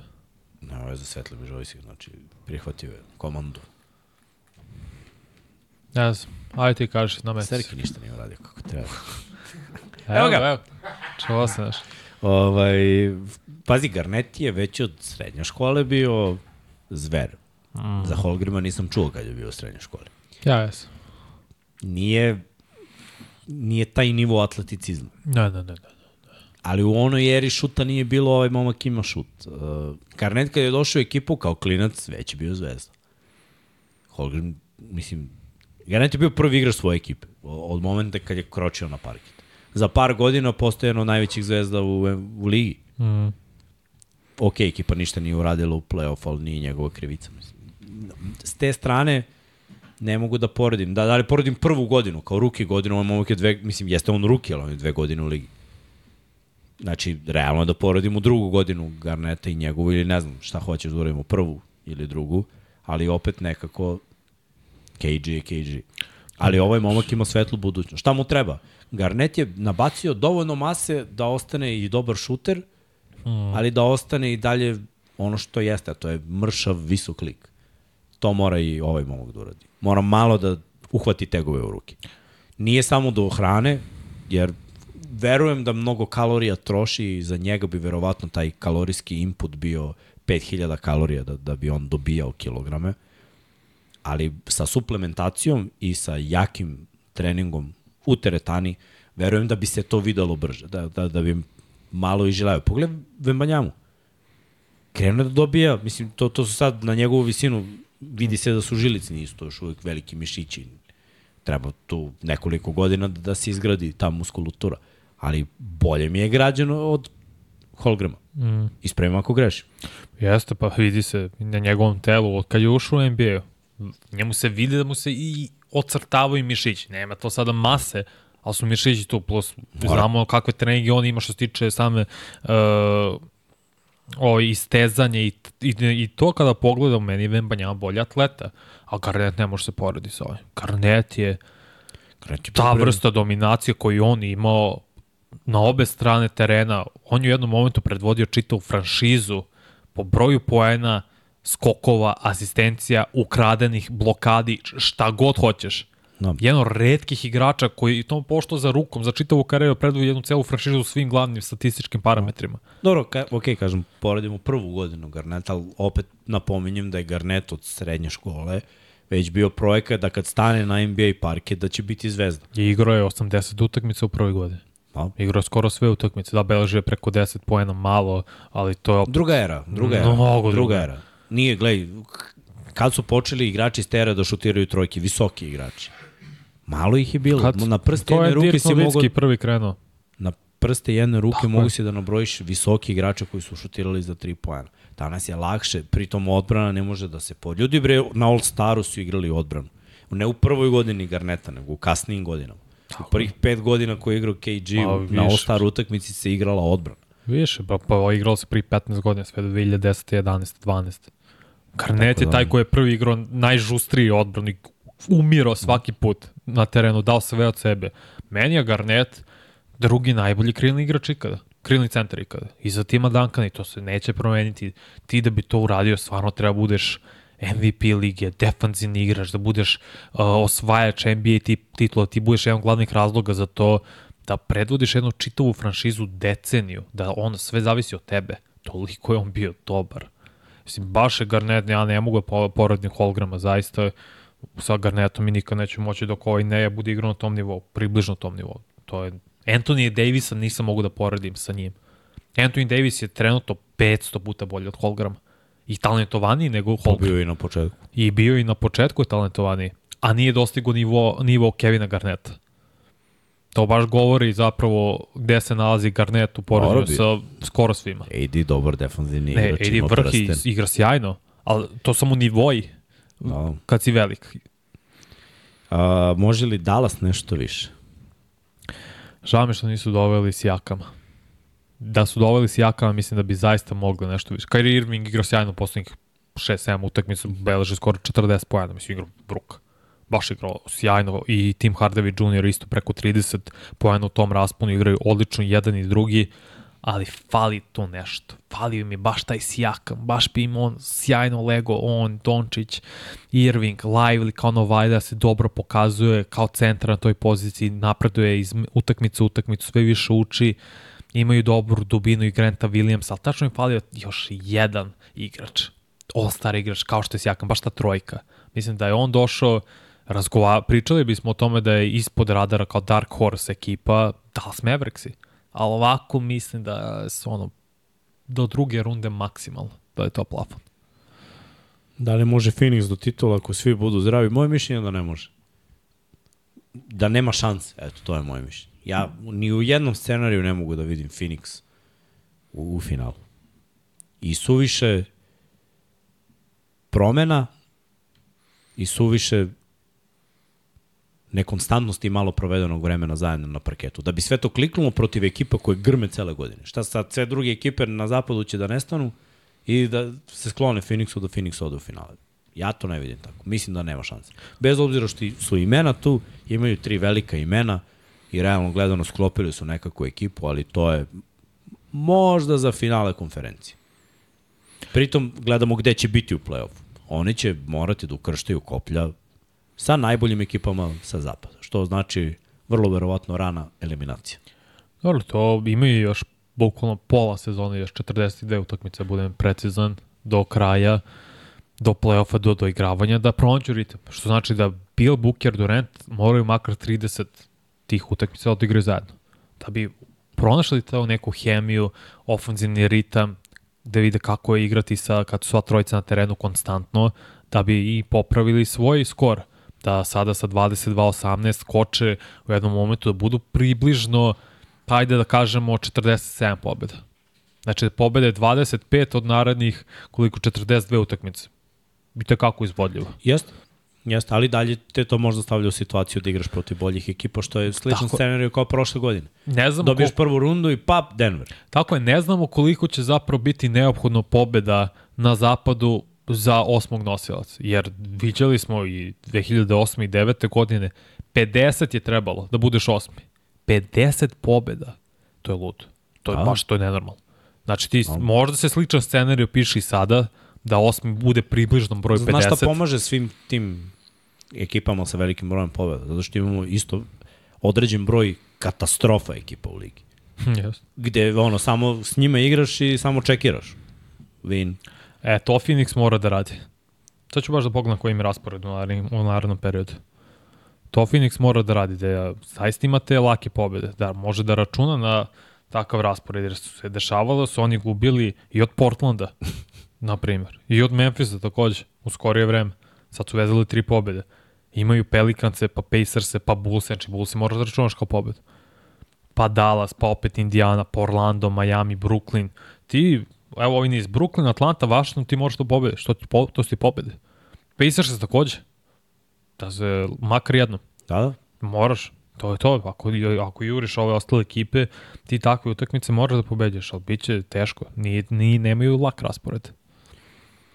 Šta mislite o malom Joviću, da li može ove godine da igra u play-offu za Miami, stvarno su ga nahvalili Spolstra i Adebayo.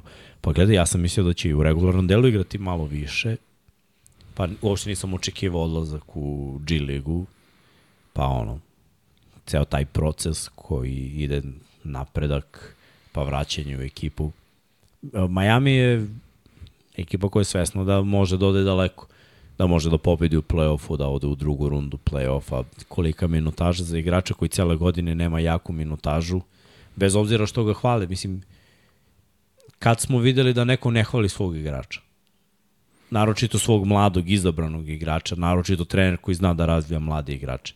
Mislim da je Spolstra i suviše namazan i zna da buđi samopouzdanje svojim igračima, ali da to ne znači, rekao sam nešto lepo o tebi, evo ti pet minuta na terenu. Mislim, takav je surove svet tamo.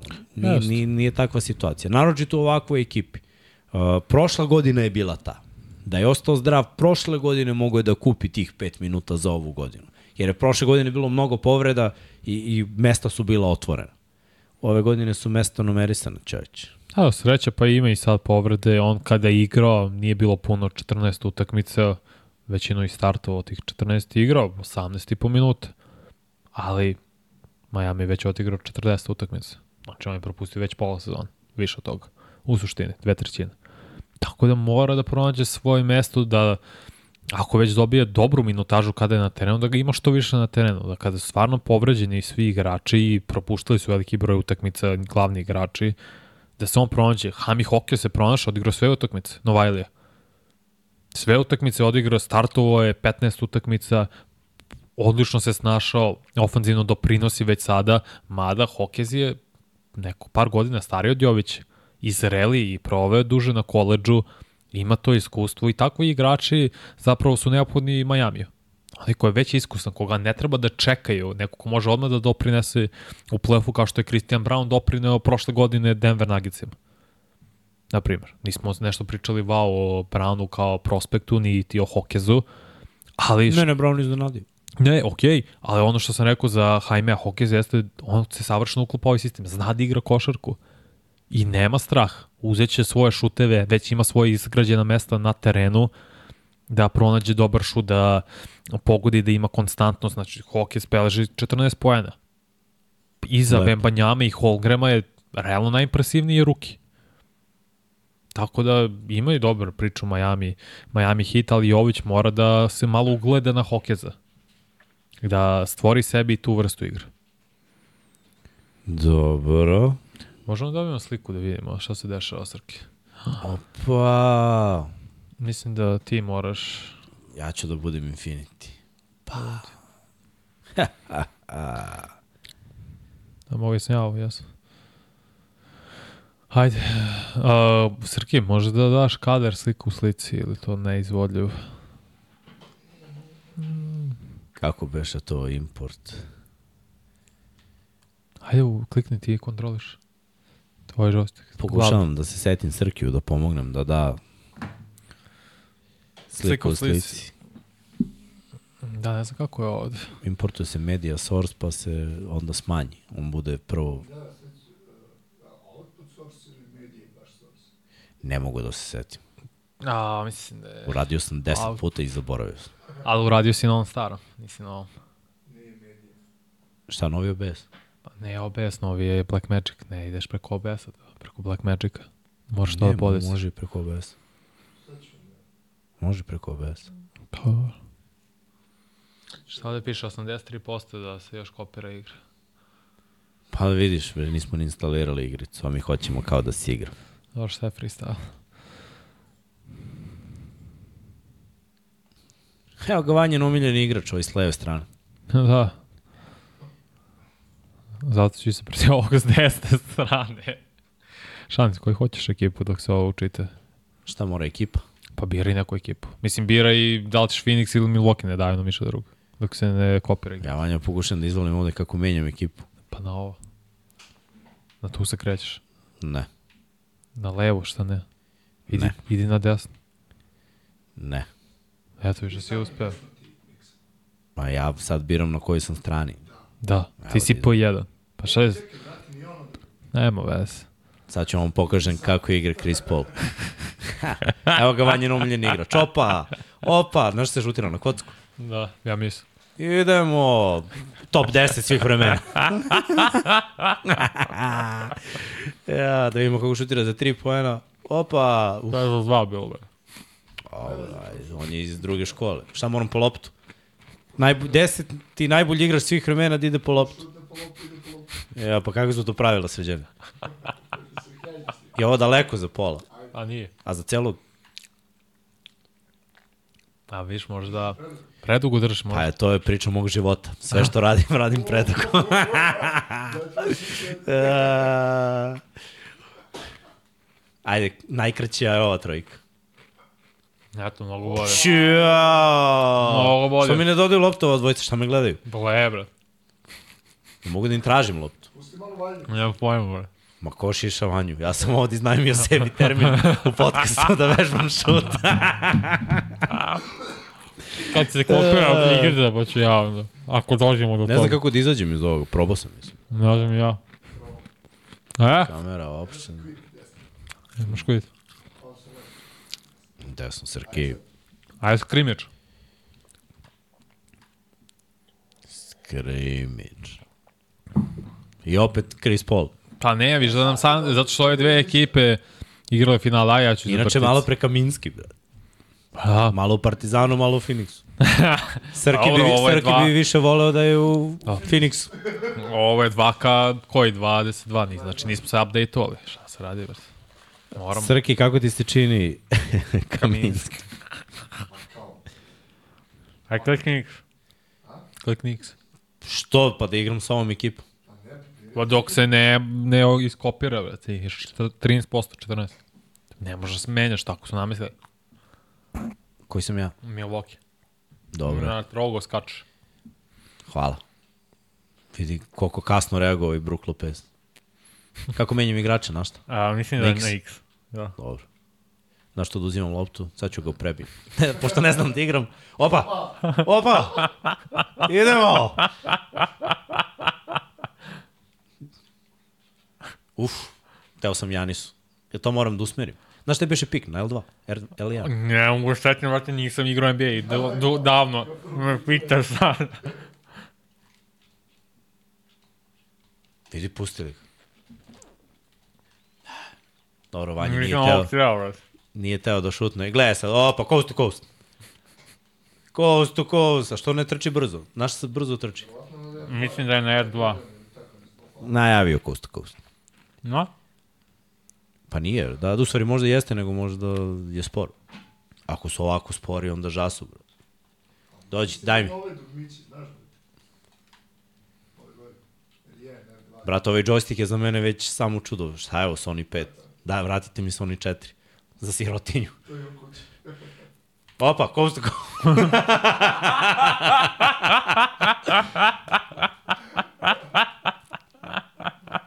Ako se odlučuješ za šut, mogu da primetim. Evo ti, evropski napad. Polako. Dođi. Jedan lagani uh, jelly za vanju.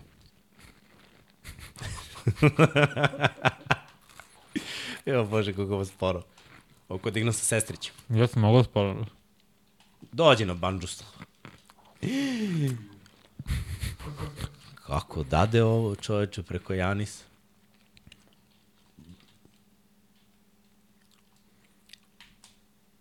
Šest dana je putovalo ovo. Šta je si uradio? Znaš koliko, koliko ranije sam kliknuo da mu dao ovu loptu čim je krenuo sa utrčavanjem.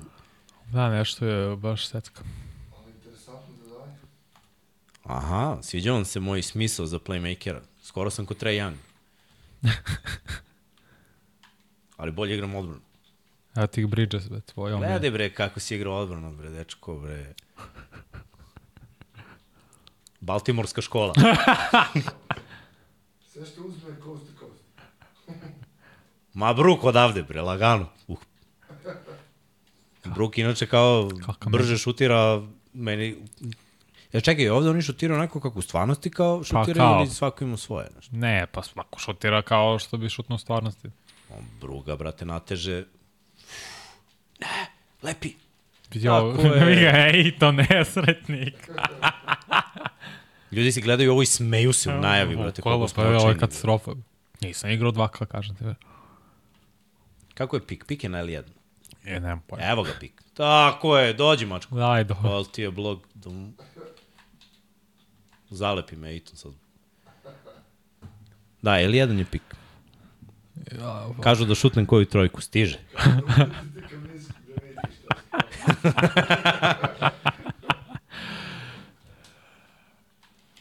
Ja, Ma može i Drew. možeš, wow. Drewa sam mnogo voleo, brate. Mnogo dobru priču životno ima čovjek. A i bilo mi je drago kad je došao u Milwaukee. Jako dobar defanzivac. I baš mi je drago da se u Bostonu lepo uklopio. To si iskoristio u moju priču da probaš. Lepo priča.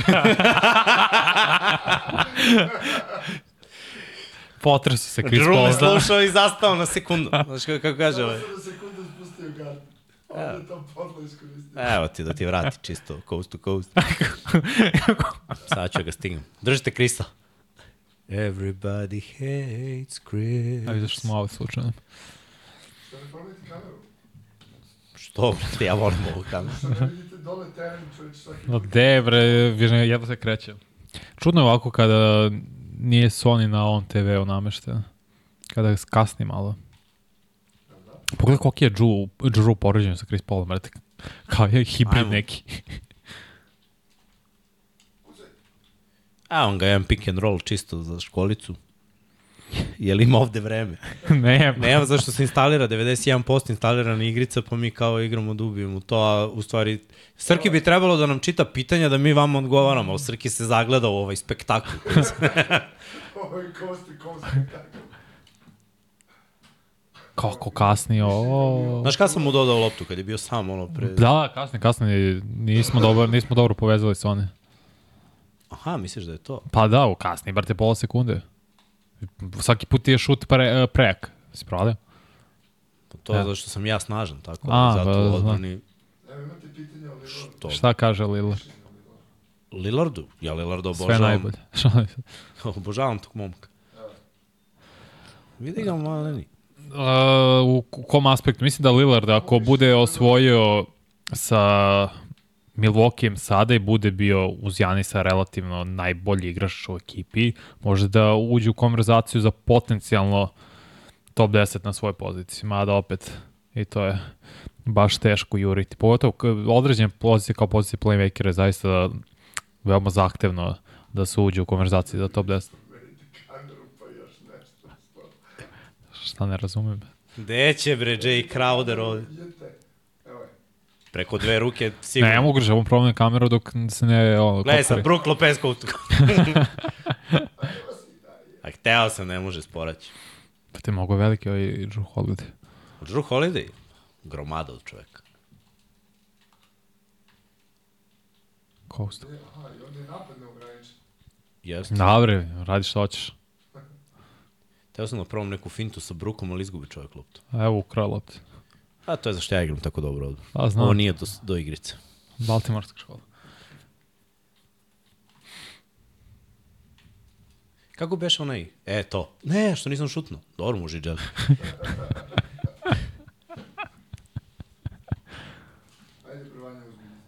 Ne, ja mogu da igram 2K, šta da mi. Koji još igraš? Ja sam ovo igrao sa sestrićem. A ja, to ti da. Evo preko sa šutno sad. Nemo kasnije, pola, Opasni su osnovci, samo da vam kažem, ako niste igrali protiv osnovaca. pola sve znaju. sekunde, nam kasnije ovo. Nema veze, brate. Evo ga Brukić. Ide! Jo! Tu je! Divičenco! Divičenzo. Vidi dve finte, opa. Brukić! Bac! Kažu Vanje da ubaci Kaminskog. A, kako mi... Srki, moram nam čitaš pitanja. Ajde ljudi, pucite iz pitanja. Opa, evo ga Džu. Mi smo te ovde zaposlili da nam ti čitaš pitanja u stvari. Uživaš u utakmici. Ne igra Partizan. Dovoljno već osasluješ iz podcasta zbog Partizana. Inače, utakmica protiv Mega će biti besplatna. Tako da, si, da ko navije za Partizane, prilike dođu su naprosto i deki. To je baš lepo. Baš, baš lepo. To je u ponedeljak, 22. od 19. Da, eto, ako niste čuli Srkija... I od... da svi dođu u crni dukševima i majicu. Biće slobodan ulaz za sledeću utakmicu Mege. Ne, ne, Mega Partizan. Mega Partizan. Da, odnosno Partizan Mega, u areni. U areni, aha, okej. Okay. Da, idealno prilike da se... Dobro, legenda obe ekipe. Da. Zaista. Zaista. Igramo odbranu, brate, šta? Samo pritisak, brate. Pritisak na lopti, pa preuzimanje opa, težak šut, skok. Osnove košarke. Možda da odemo u Indijanu da održim neku prezentaciju. Ostale košarke do kurka. Ajde malo, ide Vićenco, što da, uf. Bukvalno sam jedva stisnuo dug. Da, pa kažem, kasnimo. Samo se čuje kako lomim dug miće. Da da Bogdan može da titule šestog igrača? Pa, sad je već malo teže. Inače, ja vidi ovo, kao nadreblo sam šta u Ejtona. I Ejton mi je leđima uzao loptu. Lepi ga, Janis se, ja. Inače, Uh, da je Atlanta ostala kao cela ekipa i da su napravili neki uspeh, mislim, ne može da budeš šest igrača koja je ekipa, ono, baš krš. Mislim da, da je to ovaj... Zalepi me, vidi, vidi. Da je bolja ekipa, da, da je neki timski uspeh. Za Bogdana najbolji scenarij je dode negde. To, to bi bilo super kad bi mu se desilo. Tu bi mogao možda i da nastavi da pojača malo svoje procente. ali ne na ovaj način. Ovako, teško. Ali voleo bih stvarno. Smatram da talent je tu. Ima interesantno pitanje. Šta kaže? Da li mislite da bi najbolja euroligaška ekipa pobedila najgori NBA tim? Pa, dešavalo se da, Dešavalo se da- mislim, i ozbiljnije je NBA ekipe izgube od evroligaških ekipa, sve je moguće, mislim, sad zavisi, o, realno Washington može, mogao pobed. Mislim, stvarno, Washington je krš. Washington, De, Detroit mislim da bi se mučili malo više s Detroitom, ali s Washington mislim da je baš loša ekipa. Na koliko, po kojim pravilima se igra? I to je pitanje. Fibi na 40 minuta. A Pa da, mnogi ekipe se ne bi NBA snašli na to. da, Ajmo, da, Brukić. Ništa. Dobro, to O, je. ja, Ste pratili ovog, znate nešto o ovom Smartu što je došao u Zvezdu? To sam vidio tri puta da neko piše, ali nisam ispratio trade. To je potpisivanje. On je sa LSU, koliko se ne uspio. Pa da, nisam ga baš zapazio nešto puno na LSU, iskren da budem, morat ću stvarno da odem da pogledam i da vam pripremim odgovor za sledeću epizodu, samo da se setim toga. Da odgledam par ne, njegovih utakmica, da bih mogao da znamo kakvom igraču se radi zapravo. On je bio beš u Milwaukeeovom uh, G ligi. Uf, prejako. Ne znam, baš nisam ispratio. Pogledat ću ja par njegovih utakmica. Pa Dobro, vidjeti. Zvezda je u problemu sad za niske pozicije. Bekovski. Puštaš mi Janisa? Ajde, šutni. Ajde.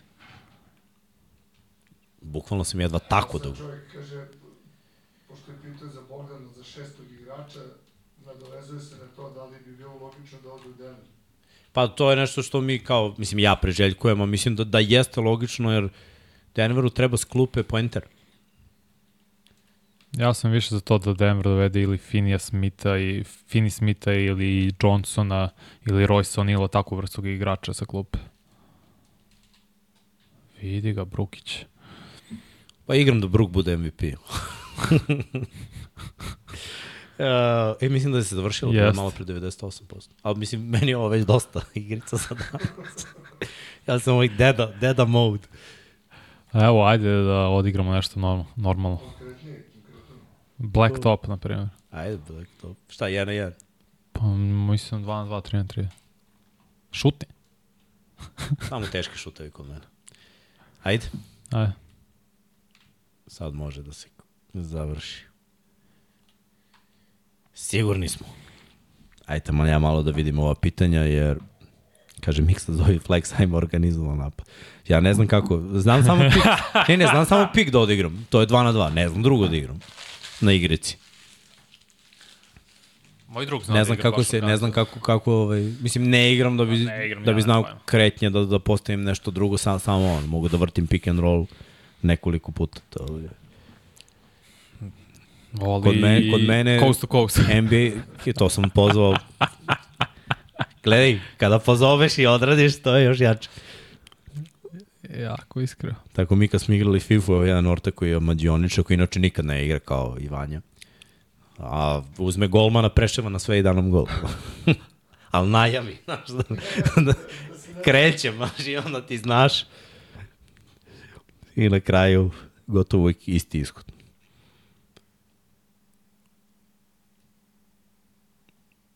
Da li je DeRozan Hall of Fame? Ne. Iskreno ne, ne bih Dobro, najbolji, Mislim, biće, najbolji je poenter jedne franšize. Kad se 2 na 2 ili 3 na 3? MVP najbolji. Jedan, i, brate, radimo podcast 1 na 1, ti me pitaš još 2 na 2 i 3 na 3. I sad ćeš da uzmeš Izaberi to. Krista Pola. Ne, već. Ajmo, ajmo neki niski Idi igrač. desno. Do koje visine? Kako desno, valjda levo.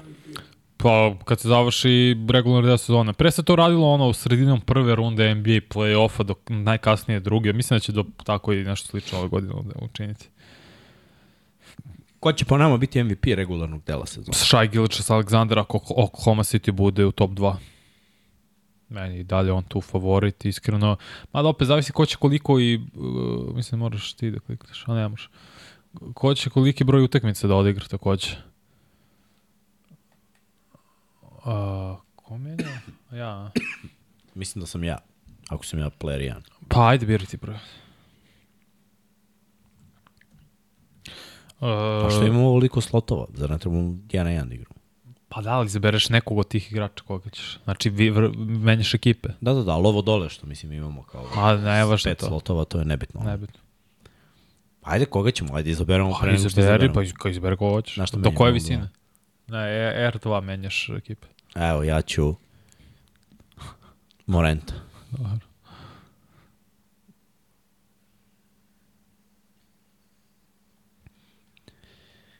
Kaže, Da. može li neki predlog za igrače da odigram večeras? Koje tekme su večeras?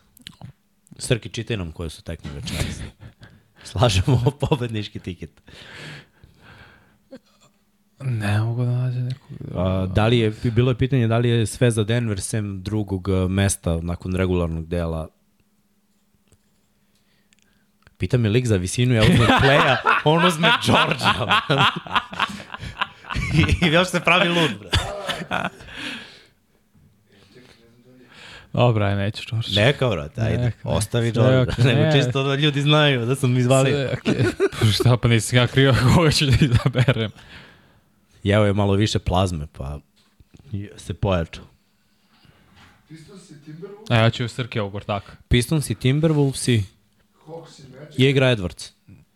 Koji Pa igra? ako igra, Carl Anthony Towns ako igra vi- vi- više njega. Kako si pogledao? Više njega. Više poena. Više na Ja, njega. ja bih i, na, i Edwardsa isto stavio. Plusić lagani. Šta se još igra? Hawks i Magic, Bankero plus. Da, to bi preskočio ja, ali podržavam Vanju. Ako bi nešto igrao, to je bankero. A dalje? Celtics Spurs, A zavisi. Derek White plus. Protiv bivše ekipe. To je baš hrabro. Ali da li ima on u ponudi? Da, I Brown? Tatum ili Brown, na primjer. Brown možda. Pre. No, oni se smenjuju.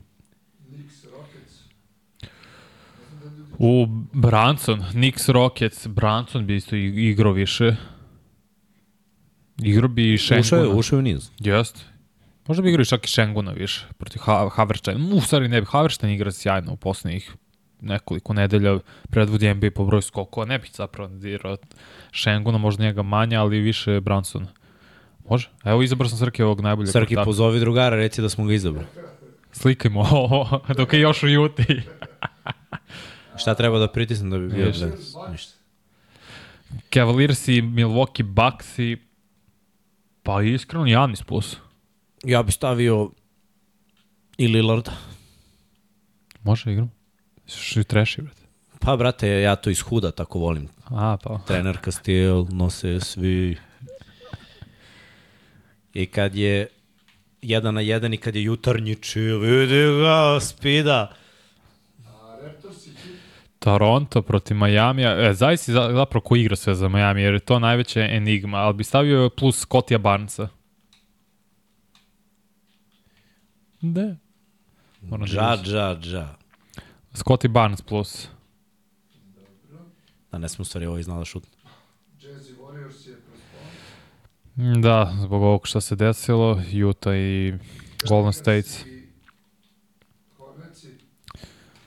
Što mi staje, vrat? Nešto ja pritisnem što ne treba.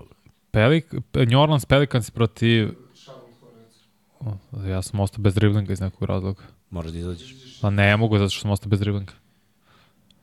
Uh, pa tu bih i igrao više Ingrama. I Brandona Millera, ako igra Brandon Miller, Novajla igrao bih i njega više. Na vuci Vanju. Ja, brate, pritisnem ovaj analog i on mi onda da uhvati zna- loptu, ali ne znam što, to bi trebalo da bude finta. Možda nije na ovom. N- Air nalog. Mislim da to imaš moment kada... Ne, ovaj... Pa to, to, to, to. Kad imaš moment da ti to bude šut. Ali tu može, ako klikne, ako ga baš klikneš, on će ići na šut ili na gore. Što je ovako mekano, brate, kod mene mogu da ga okrećem koliko hoćeš, ništa, ovde sam ga pipnuo, on svaki put uhvati loptu. Pa koji 2K igraš? Kaže, a ovo miksa šta je sa odbranom? Ne mogu se povatam sa ovom pečurkom. Ko je Lakersi protiv? Protiv Dallasa. U, to će biti odlična utakmica. Kyrie više. Kyrie više. Ne znam koliko je granica, ali Kyrie više. Mnogo smo nešto stavili. Da, ja ću namislim na strelicu. Ko pravi deda. Portland i Brooklyn. Portland protiv Brooklyna. Uh, jebote, neko, ne možemo čuvamo nikoga. Ja ću se odledim i da te pustim da šutneš. Vidi ga, ja, brate, stvarno imam problem sa kretnjom. Je, Sad sam pritisnuo nešto što nije trebalo. Još sam. ne. Mi ne znam koga, zavisi koju ponudi. Ako neko zna koju ponudi, da odmah to razrešimo. Ovaj, to je to, to ti je sve za danas. Moguće će- Dobro, pa gledaj, znate šta je najbolje? Nikad ne stavljaj više od uh, pet igrača. Mislim, kao i za, NFL, ja kad pravim NFL, što manje to bolje. Stavim 10, pa onda izdvojim pet najboljih.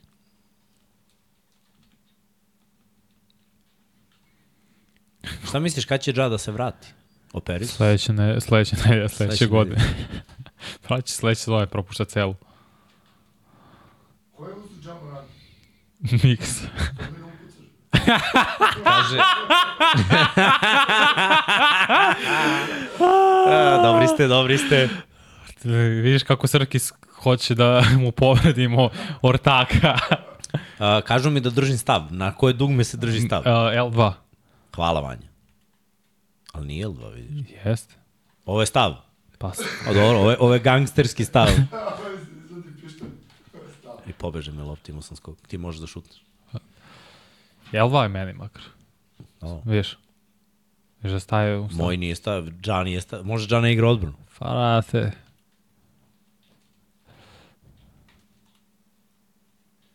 Ali zato ima šut. sve, vreme, da- sve vreme mi se crveni, znači moram baš brže da pustimo. Pa da, Dođi, zato što. Jo, du... kasnije. Faul. Zato što kasnije. Vidi, posebno. Mitchell ti gori.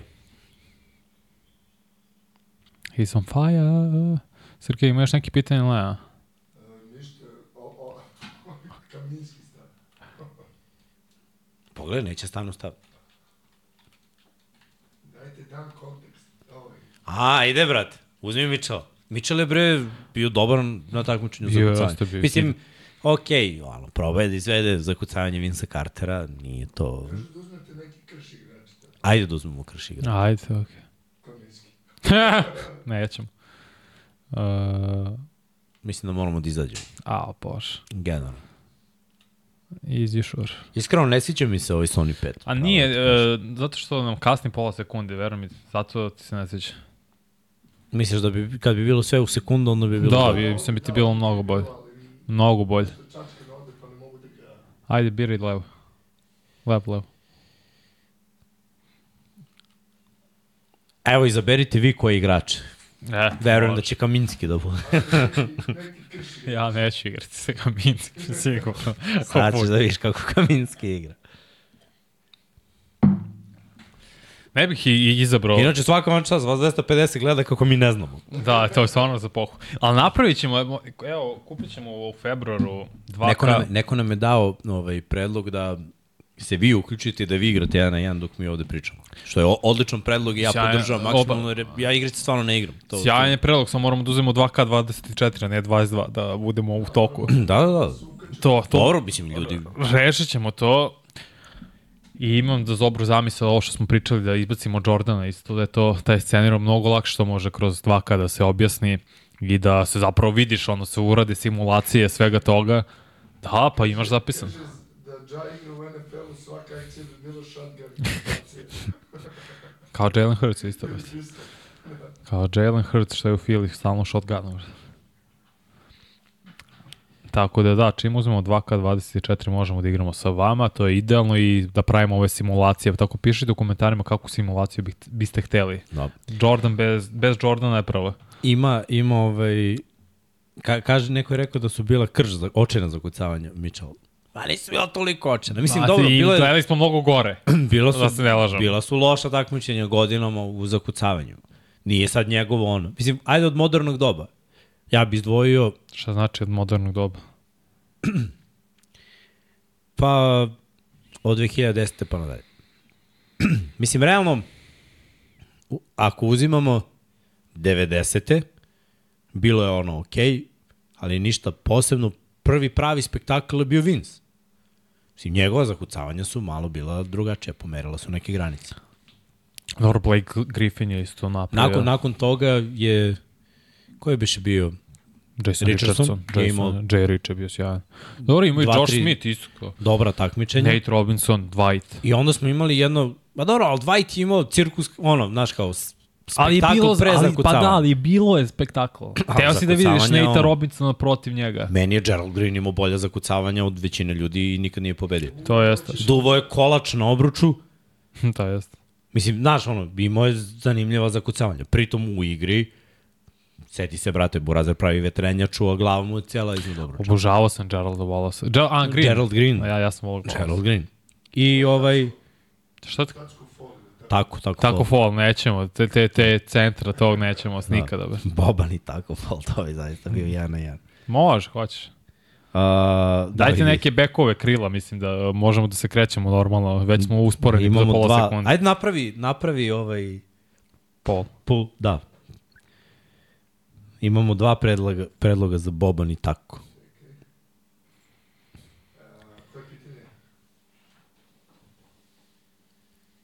Boban vs tako. Ili, To ti je jedan pol.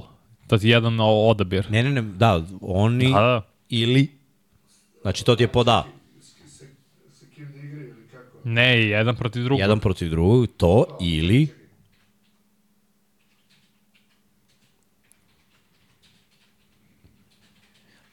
Pitanje ti je koga da biraju, pa je pod A Ovdje biraju Miksi i Vanja, pa pod prvo je da, ta, tako i Boban, a drugo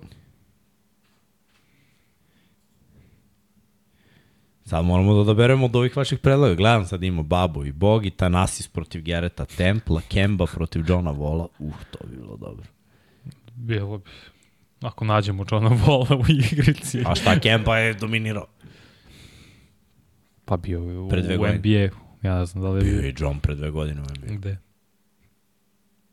Washingtonu. Nije pre dve godine bio baš, možda bio u Houstonu. Pre dve godine. Prate pa 2020. Ali je igrica računa iz 2021. a ne iz... Pa nije bio u Washingtonu tada. Bio tada Westbrook. Pre tri godine Westbrook. Westbrook je te- Pre tri godine bio Westbrook. Da, upravo si. Gordon Levin najbolje bilo. Da, da, posle kad to kaže, hoću kažem da je bila jedna era ništavila dok Levin i Gordon nisu imali najbolje takmičenje sa kucavanjima ikada. Jer bilo je boljih, ali to je ono jedan lik izdominirao, i- ali ovo da ide u produžetak u nedogled, iskreno, da je neko bio šmeker tamo, rekao bi da moraju da podele, jer je bilo stvarno da se podeli. I jedan i drugi da dobiju po trofej i da budu šampioni u, u zakucavanjima.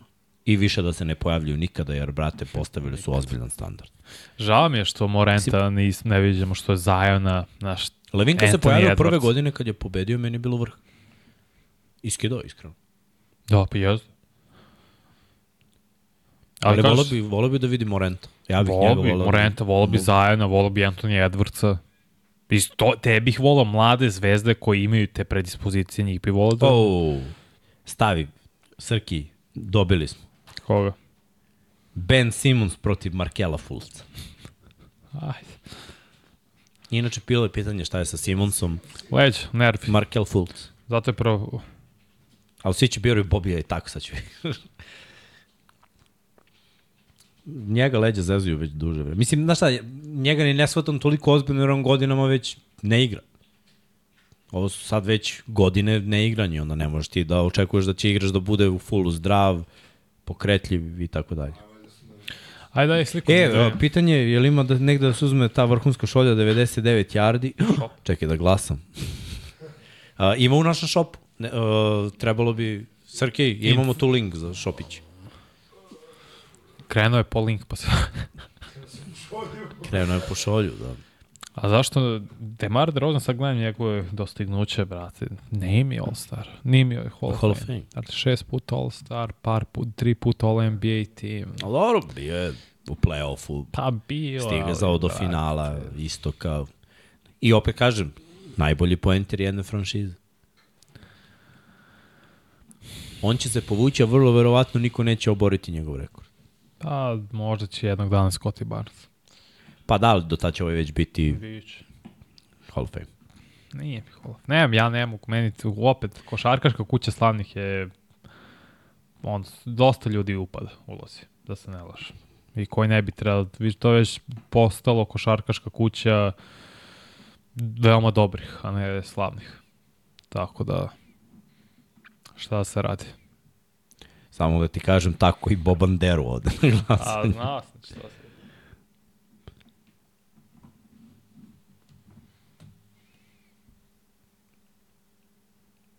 Da, ajde da iskoristimo priliku kad ste već pitali za šolju na našem šopu, imamo dukseve, imamo majice, i Lep 76 i 99 yardi, tu su šolje i Lep i, i 99 yardi, kapice, ja kapicu furam svaki dan Istina. sa sve kićankom. Odlična je kapica. Topla, brate, gre. Nisi. Srki ima info kako su nastale kićanke. Gusari su koristili u pošto je nisko, da bi udarili glavom. Da ima. znači sve je krenulo od gusara. Opasni su ti i stampe. Kad je bilo zlatno doba pirata, Srki? Kako sad se kriju. Black flag. Evo su ovi što igraju igrice. Ko je bre? Početkom 80-ih, početkom o 18. veka moja greška. Tako se početak do sredine os... Jeste. Pita Milan uh, Runić ima li on sliku? olimpijsko zlato neko? DeRozan ima Ni- 2016. To. Igrao u Rio, ima i sa svetskog 2014. Mislim, bit će, ali meni nije. Ne, nije mi Hall of Fame, mislim, meni ni Chris Webber nije Hall of Famer, pa je u kući slavnije, šta se radi. Gde je bio Bobiška? Tada, Ja ne znam ni koja je ovo godina, šta mi igramo. Koja. Ali to je igrica 2022. Odakle su rosteri? Ja mislim da i rosteri su 21. Dallas. Nađi ga. Da, šta, tako fall Bogu piti da je on. Boston, verovatno. Mislim da je Boston. Evo ga Dallas.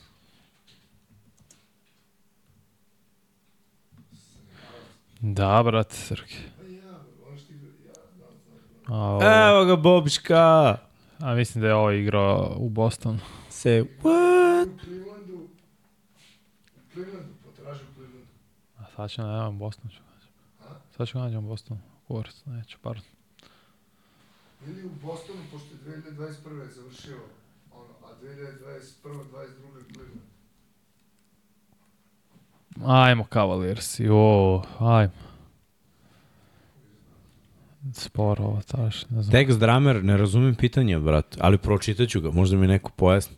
Kaže, šta mislite o trendu trudnoća, ako se ne varam, kod NFL i NBA igrača, Miami, Tyreek Hill i Howard, Zion i tako dalje, bilo je toga i pre, Sean Kemp, ali ovi kao da se utrkuju.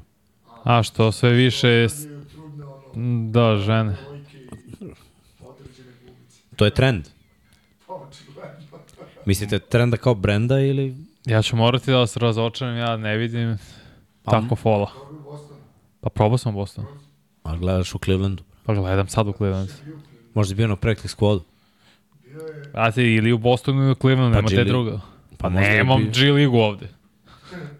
Šta misliš ti da...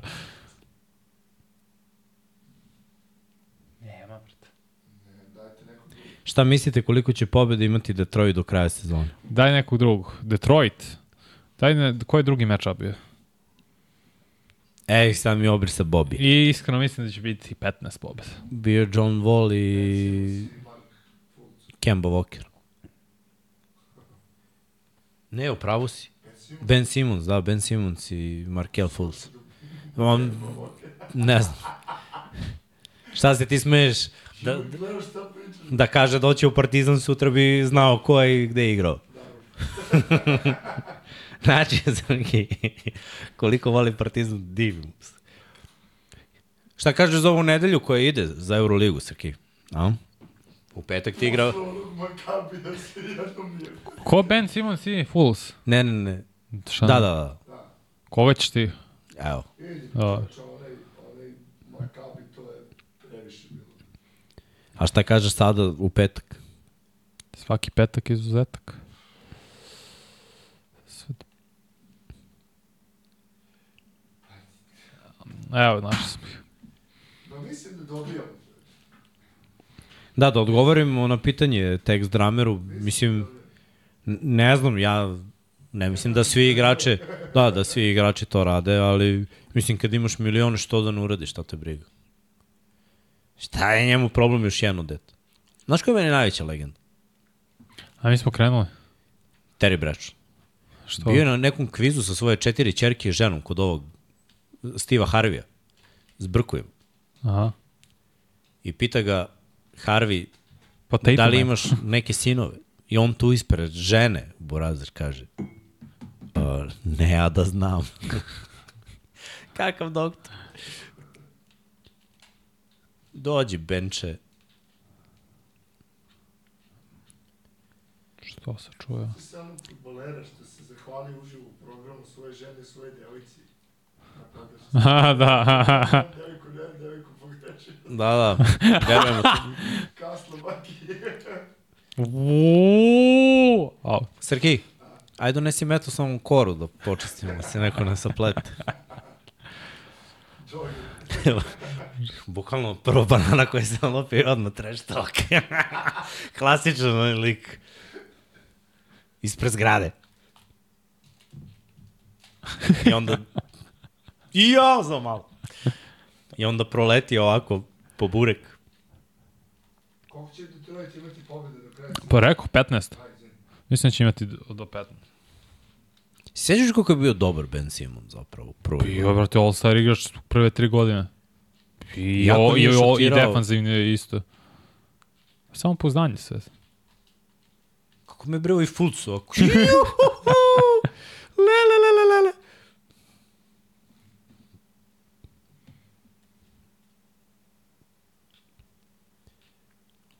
Što?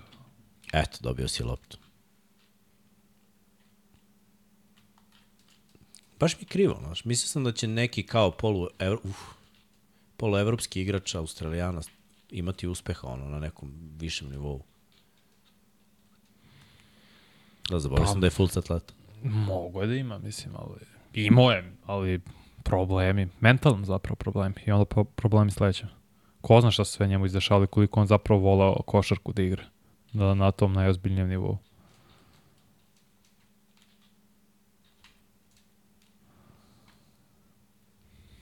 Imao je lepa rešenja. Da je, pa jes, kako da. Pa, Dobro se sve fizičke predispozicije bude novi Magic Johnson, mislim, prema pričam. Dobro, još je više. Da. Nerealno je visok. Jeste, jeste. A ne primetiš toliko u njegovim kretnjama. Prilično fluid. I ti si stvarno vidi. A Fultz i njegova promjena šuta što su ga terali, što su ga mračili. Pokvarili su mu karijeru, stvarno, na Washingtonu sećam se I vidiš ti danas koliko, baš koliko više nemaju ljudi lepu mehaniku. tendencije da ono menjaju igrače, brate. Gledaj ti Halliburton, njegov šut, brate, isto nije lep. Šta je ulazi, brate? Šta ga diraš, brate? Pa da, jeste. I pokvarili su, stvarno su mu upropastili karijeru Fulca.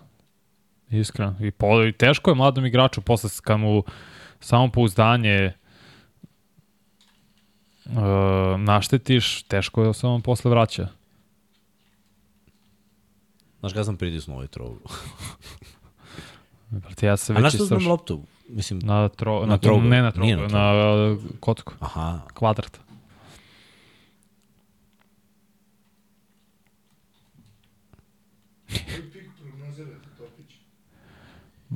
Gde god, odakle god da bira San Antonio. koliko je ozbiljno povreda? Jesi ispratio to? Pa propustit će mesec i po dana. Da se povredio. Propustit će mesec i po dana. baš Znači, je vratit će se. Ja mislim da će se vrati, izvim što te prekinem, sredinom februara. Baš je Zvezda ostala bez bekova jebote odjednom. Da. I Topić i Nedović. Al Teo igra, Teo, kida, onim Teo, vrate, doktor. Jeste igra, stvarno, stvarno sjajno.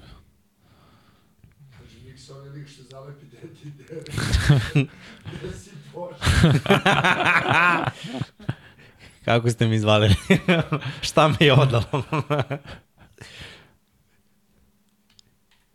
Opet previše, jako više. Ne mogu provalim uopšte. Sad ćete šut. vidjeti nešto što niste videli dugo. Ben Simon za tri. Samo da Sam mogu- se ne odaljim previše. Ti previše ovdje malo. Borazerče jedva, jedva pogodio tribinu. A opet prejako, vidiš. Early. A nije early. Vidi ovo. Ne mogu, Nema sam dribling. dribling. Šutni. Šutni promaši. Neće šutni, znaš. Evo sad, ono sila. Kako je to glupo. Ne mogu da bacimo tablu. Kako to postoji? Postoji ta fora. Ne znam, brate, pitaš me... Da mislim late. da Teo treba da bude u reprezentaciji na olimpijadi. Pa neće biti nije sigurno bio- zato što je Pešić Da. tu, tako da nije što te Kad nije priča. bio do sada, neće ni biti. Meni je krivo što se sve to tako Jest. odigralo. Stvarno mislim da, da legenda Zaslužuje mnogo bolje. zaslužuje drugačiji tretman. Čak i da, da je bila ideja ono, smena generacija i uf, bravo. Mislim da je sve to moglo da se odradi mnogo bolje. Pritom ne Mo- možeš da mi kažeš da, da ono, nema mesta. I dalje je ono, Moralo je mnogo, mnogo bolje. Hoću probam neki fade away. svoj. Ne, evo sad sam ja ostao bez triplinga.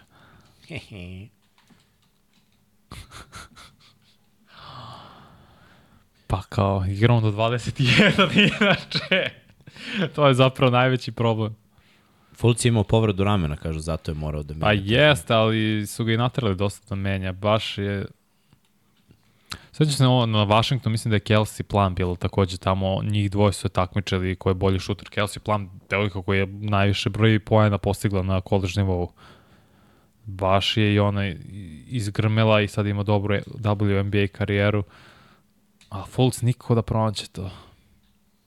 Damaged goods, što bi rekli amerikanci. Ali dobro, pazi, donekle našu ekipu.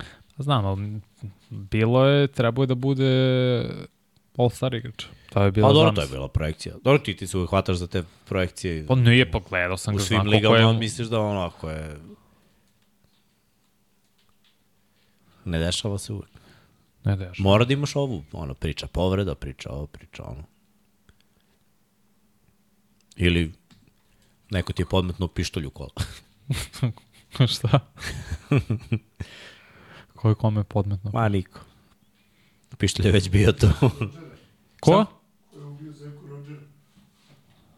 Ne znam šta je to. Sveći ti mi se to. Ko je ubio Zeku Rodgera? Ne, Rodgera. E. Ništa, ja ću sada da šutiram dok ne pogodim makar jednu trojku. ajde, i ja ću. Prihvatam tvoj dvoboj. Ali vidiš, sve je too late. Baci se bre, fulci. Ko će prvi da pogodi trojku, taj pobeđuje. Može. Može. Nevezano za rezultat. A trojku? Ja! Ako pipno obruš blizu je.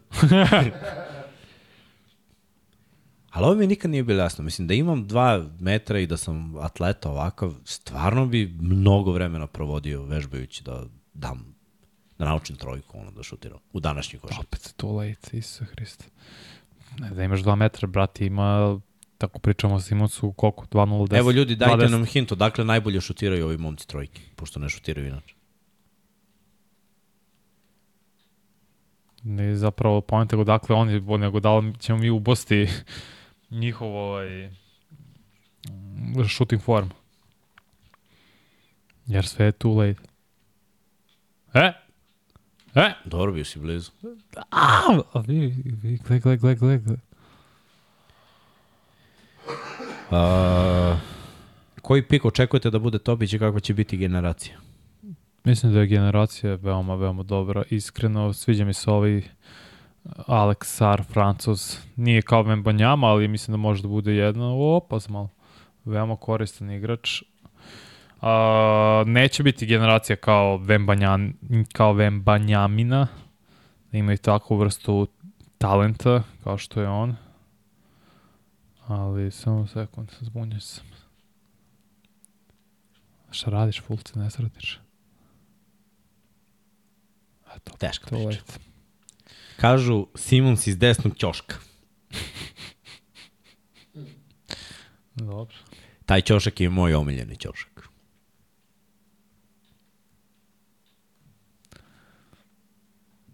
Samo da ne izađem u aut. Vidi ga ovaj što igra odbranu. Šta si se primio? E, može odavde da ne izađem u aut. Pa, može. Mislim da šutiraš za dva. Pa dobro. So, solidno je blizu. Stvarno, deti se odbijaju. Juuu, bravo, ovaj ti bio najbliži. Ne, može kasnije Ne, pola izgubio sam sekunde. dribling. Ajde, šutni. Dovoljno si blizu. Stvarno sam hteo da šutnem tu trojku. Ne, možemo da ubodemo, pa to ti je ovo. Ne, ne može kad kasni pola sekunde. Be. Ne znam kad treba da pustim kocku.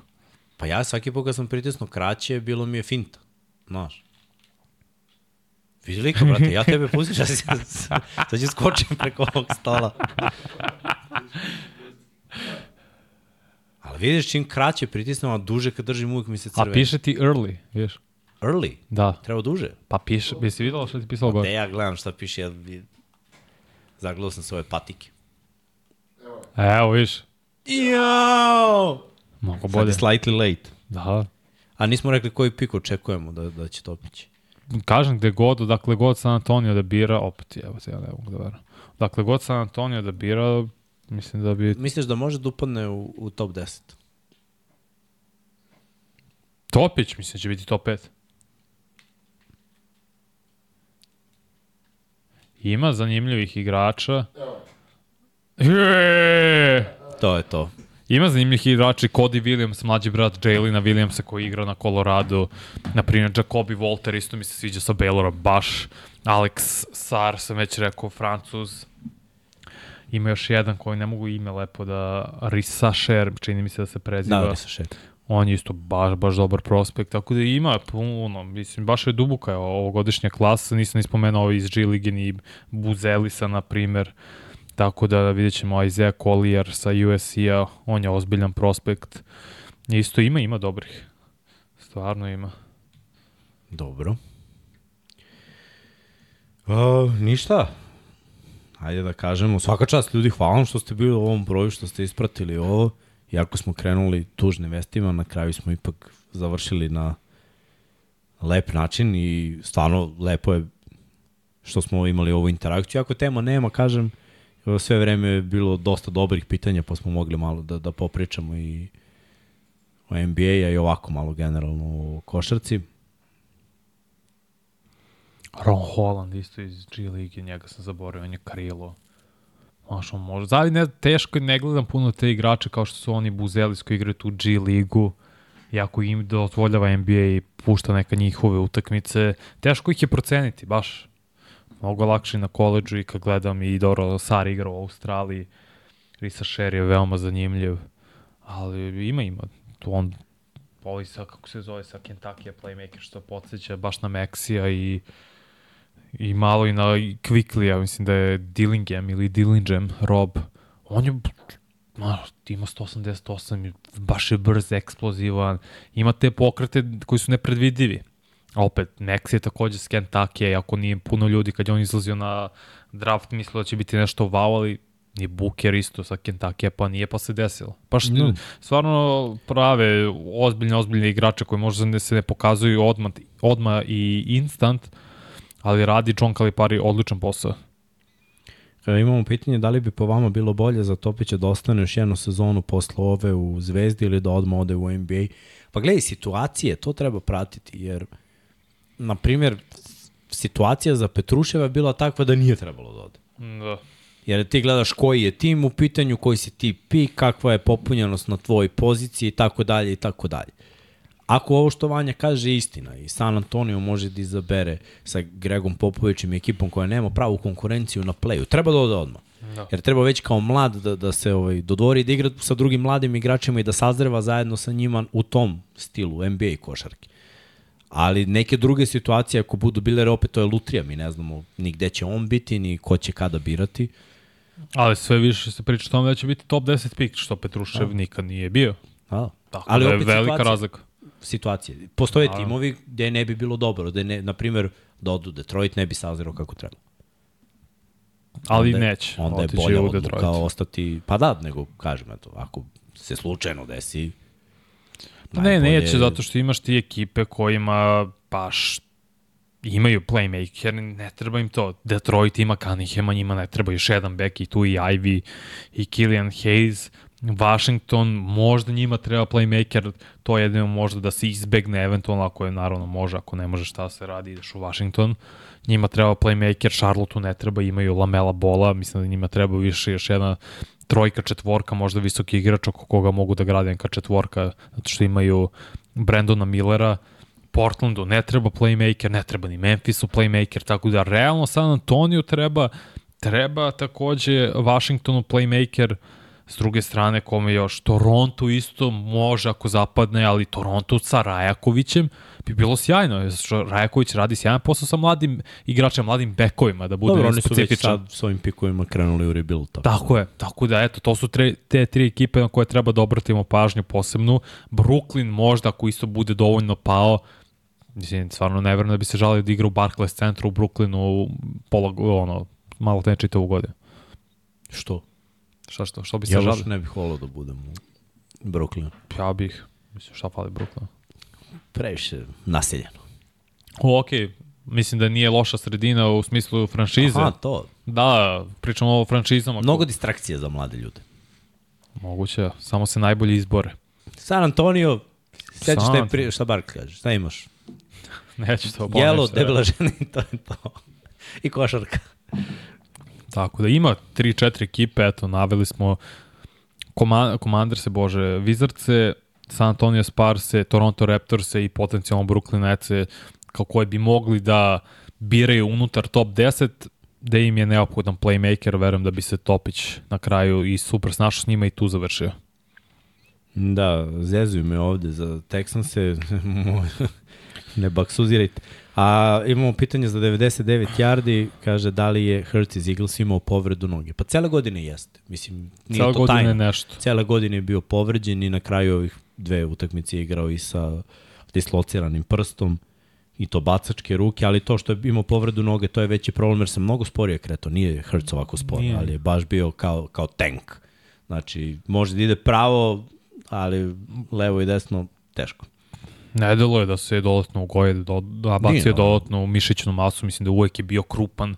Da, da. Iako nije nešto pretredno visok za poziciju, Kotrbeka ima 185, 186, čini mi se. Koleno, da, tek je sad skinuo ortozu. On nosi sve vreme ortozu na, na koleno. Usporan, baš je usporan delovo i vidjet ćemo šta će biti budućnost za Philadelphia Eagles-e i dalje se nije odlučio šta će u svojoj karijeri, da li će nastaviti karijeru Jason Kelsey, verujem da je on veoma važan šraf, te ofan, najvažniji šraf zapravo te ofanzivne linije, koliko god da se spremao Jurgens Mislim da ne može da zameni Kelsija ni u tri života. Pogotovo kod tuš push akcije, koju je Dobro, Kelsey to- sa Hrcom napravio zapravo to- revoluciju. To je njihova akcija, ali odustaće od jedne. Ali mislim, znaš, čim je Kelsey ocenio Jurgensa kao jednog od boljih centara u jako dobroj klasi, mislim, on ga je izabrao, manje više. Da, koje On je- godine izašao? Sudlu. Pa ovo je treća godina, kad i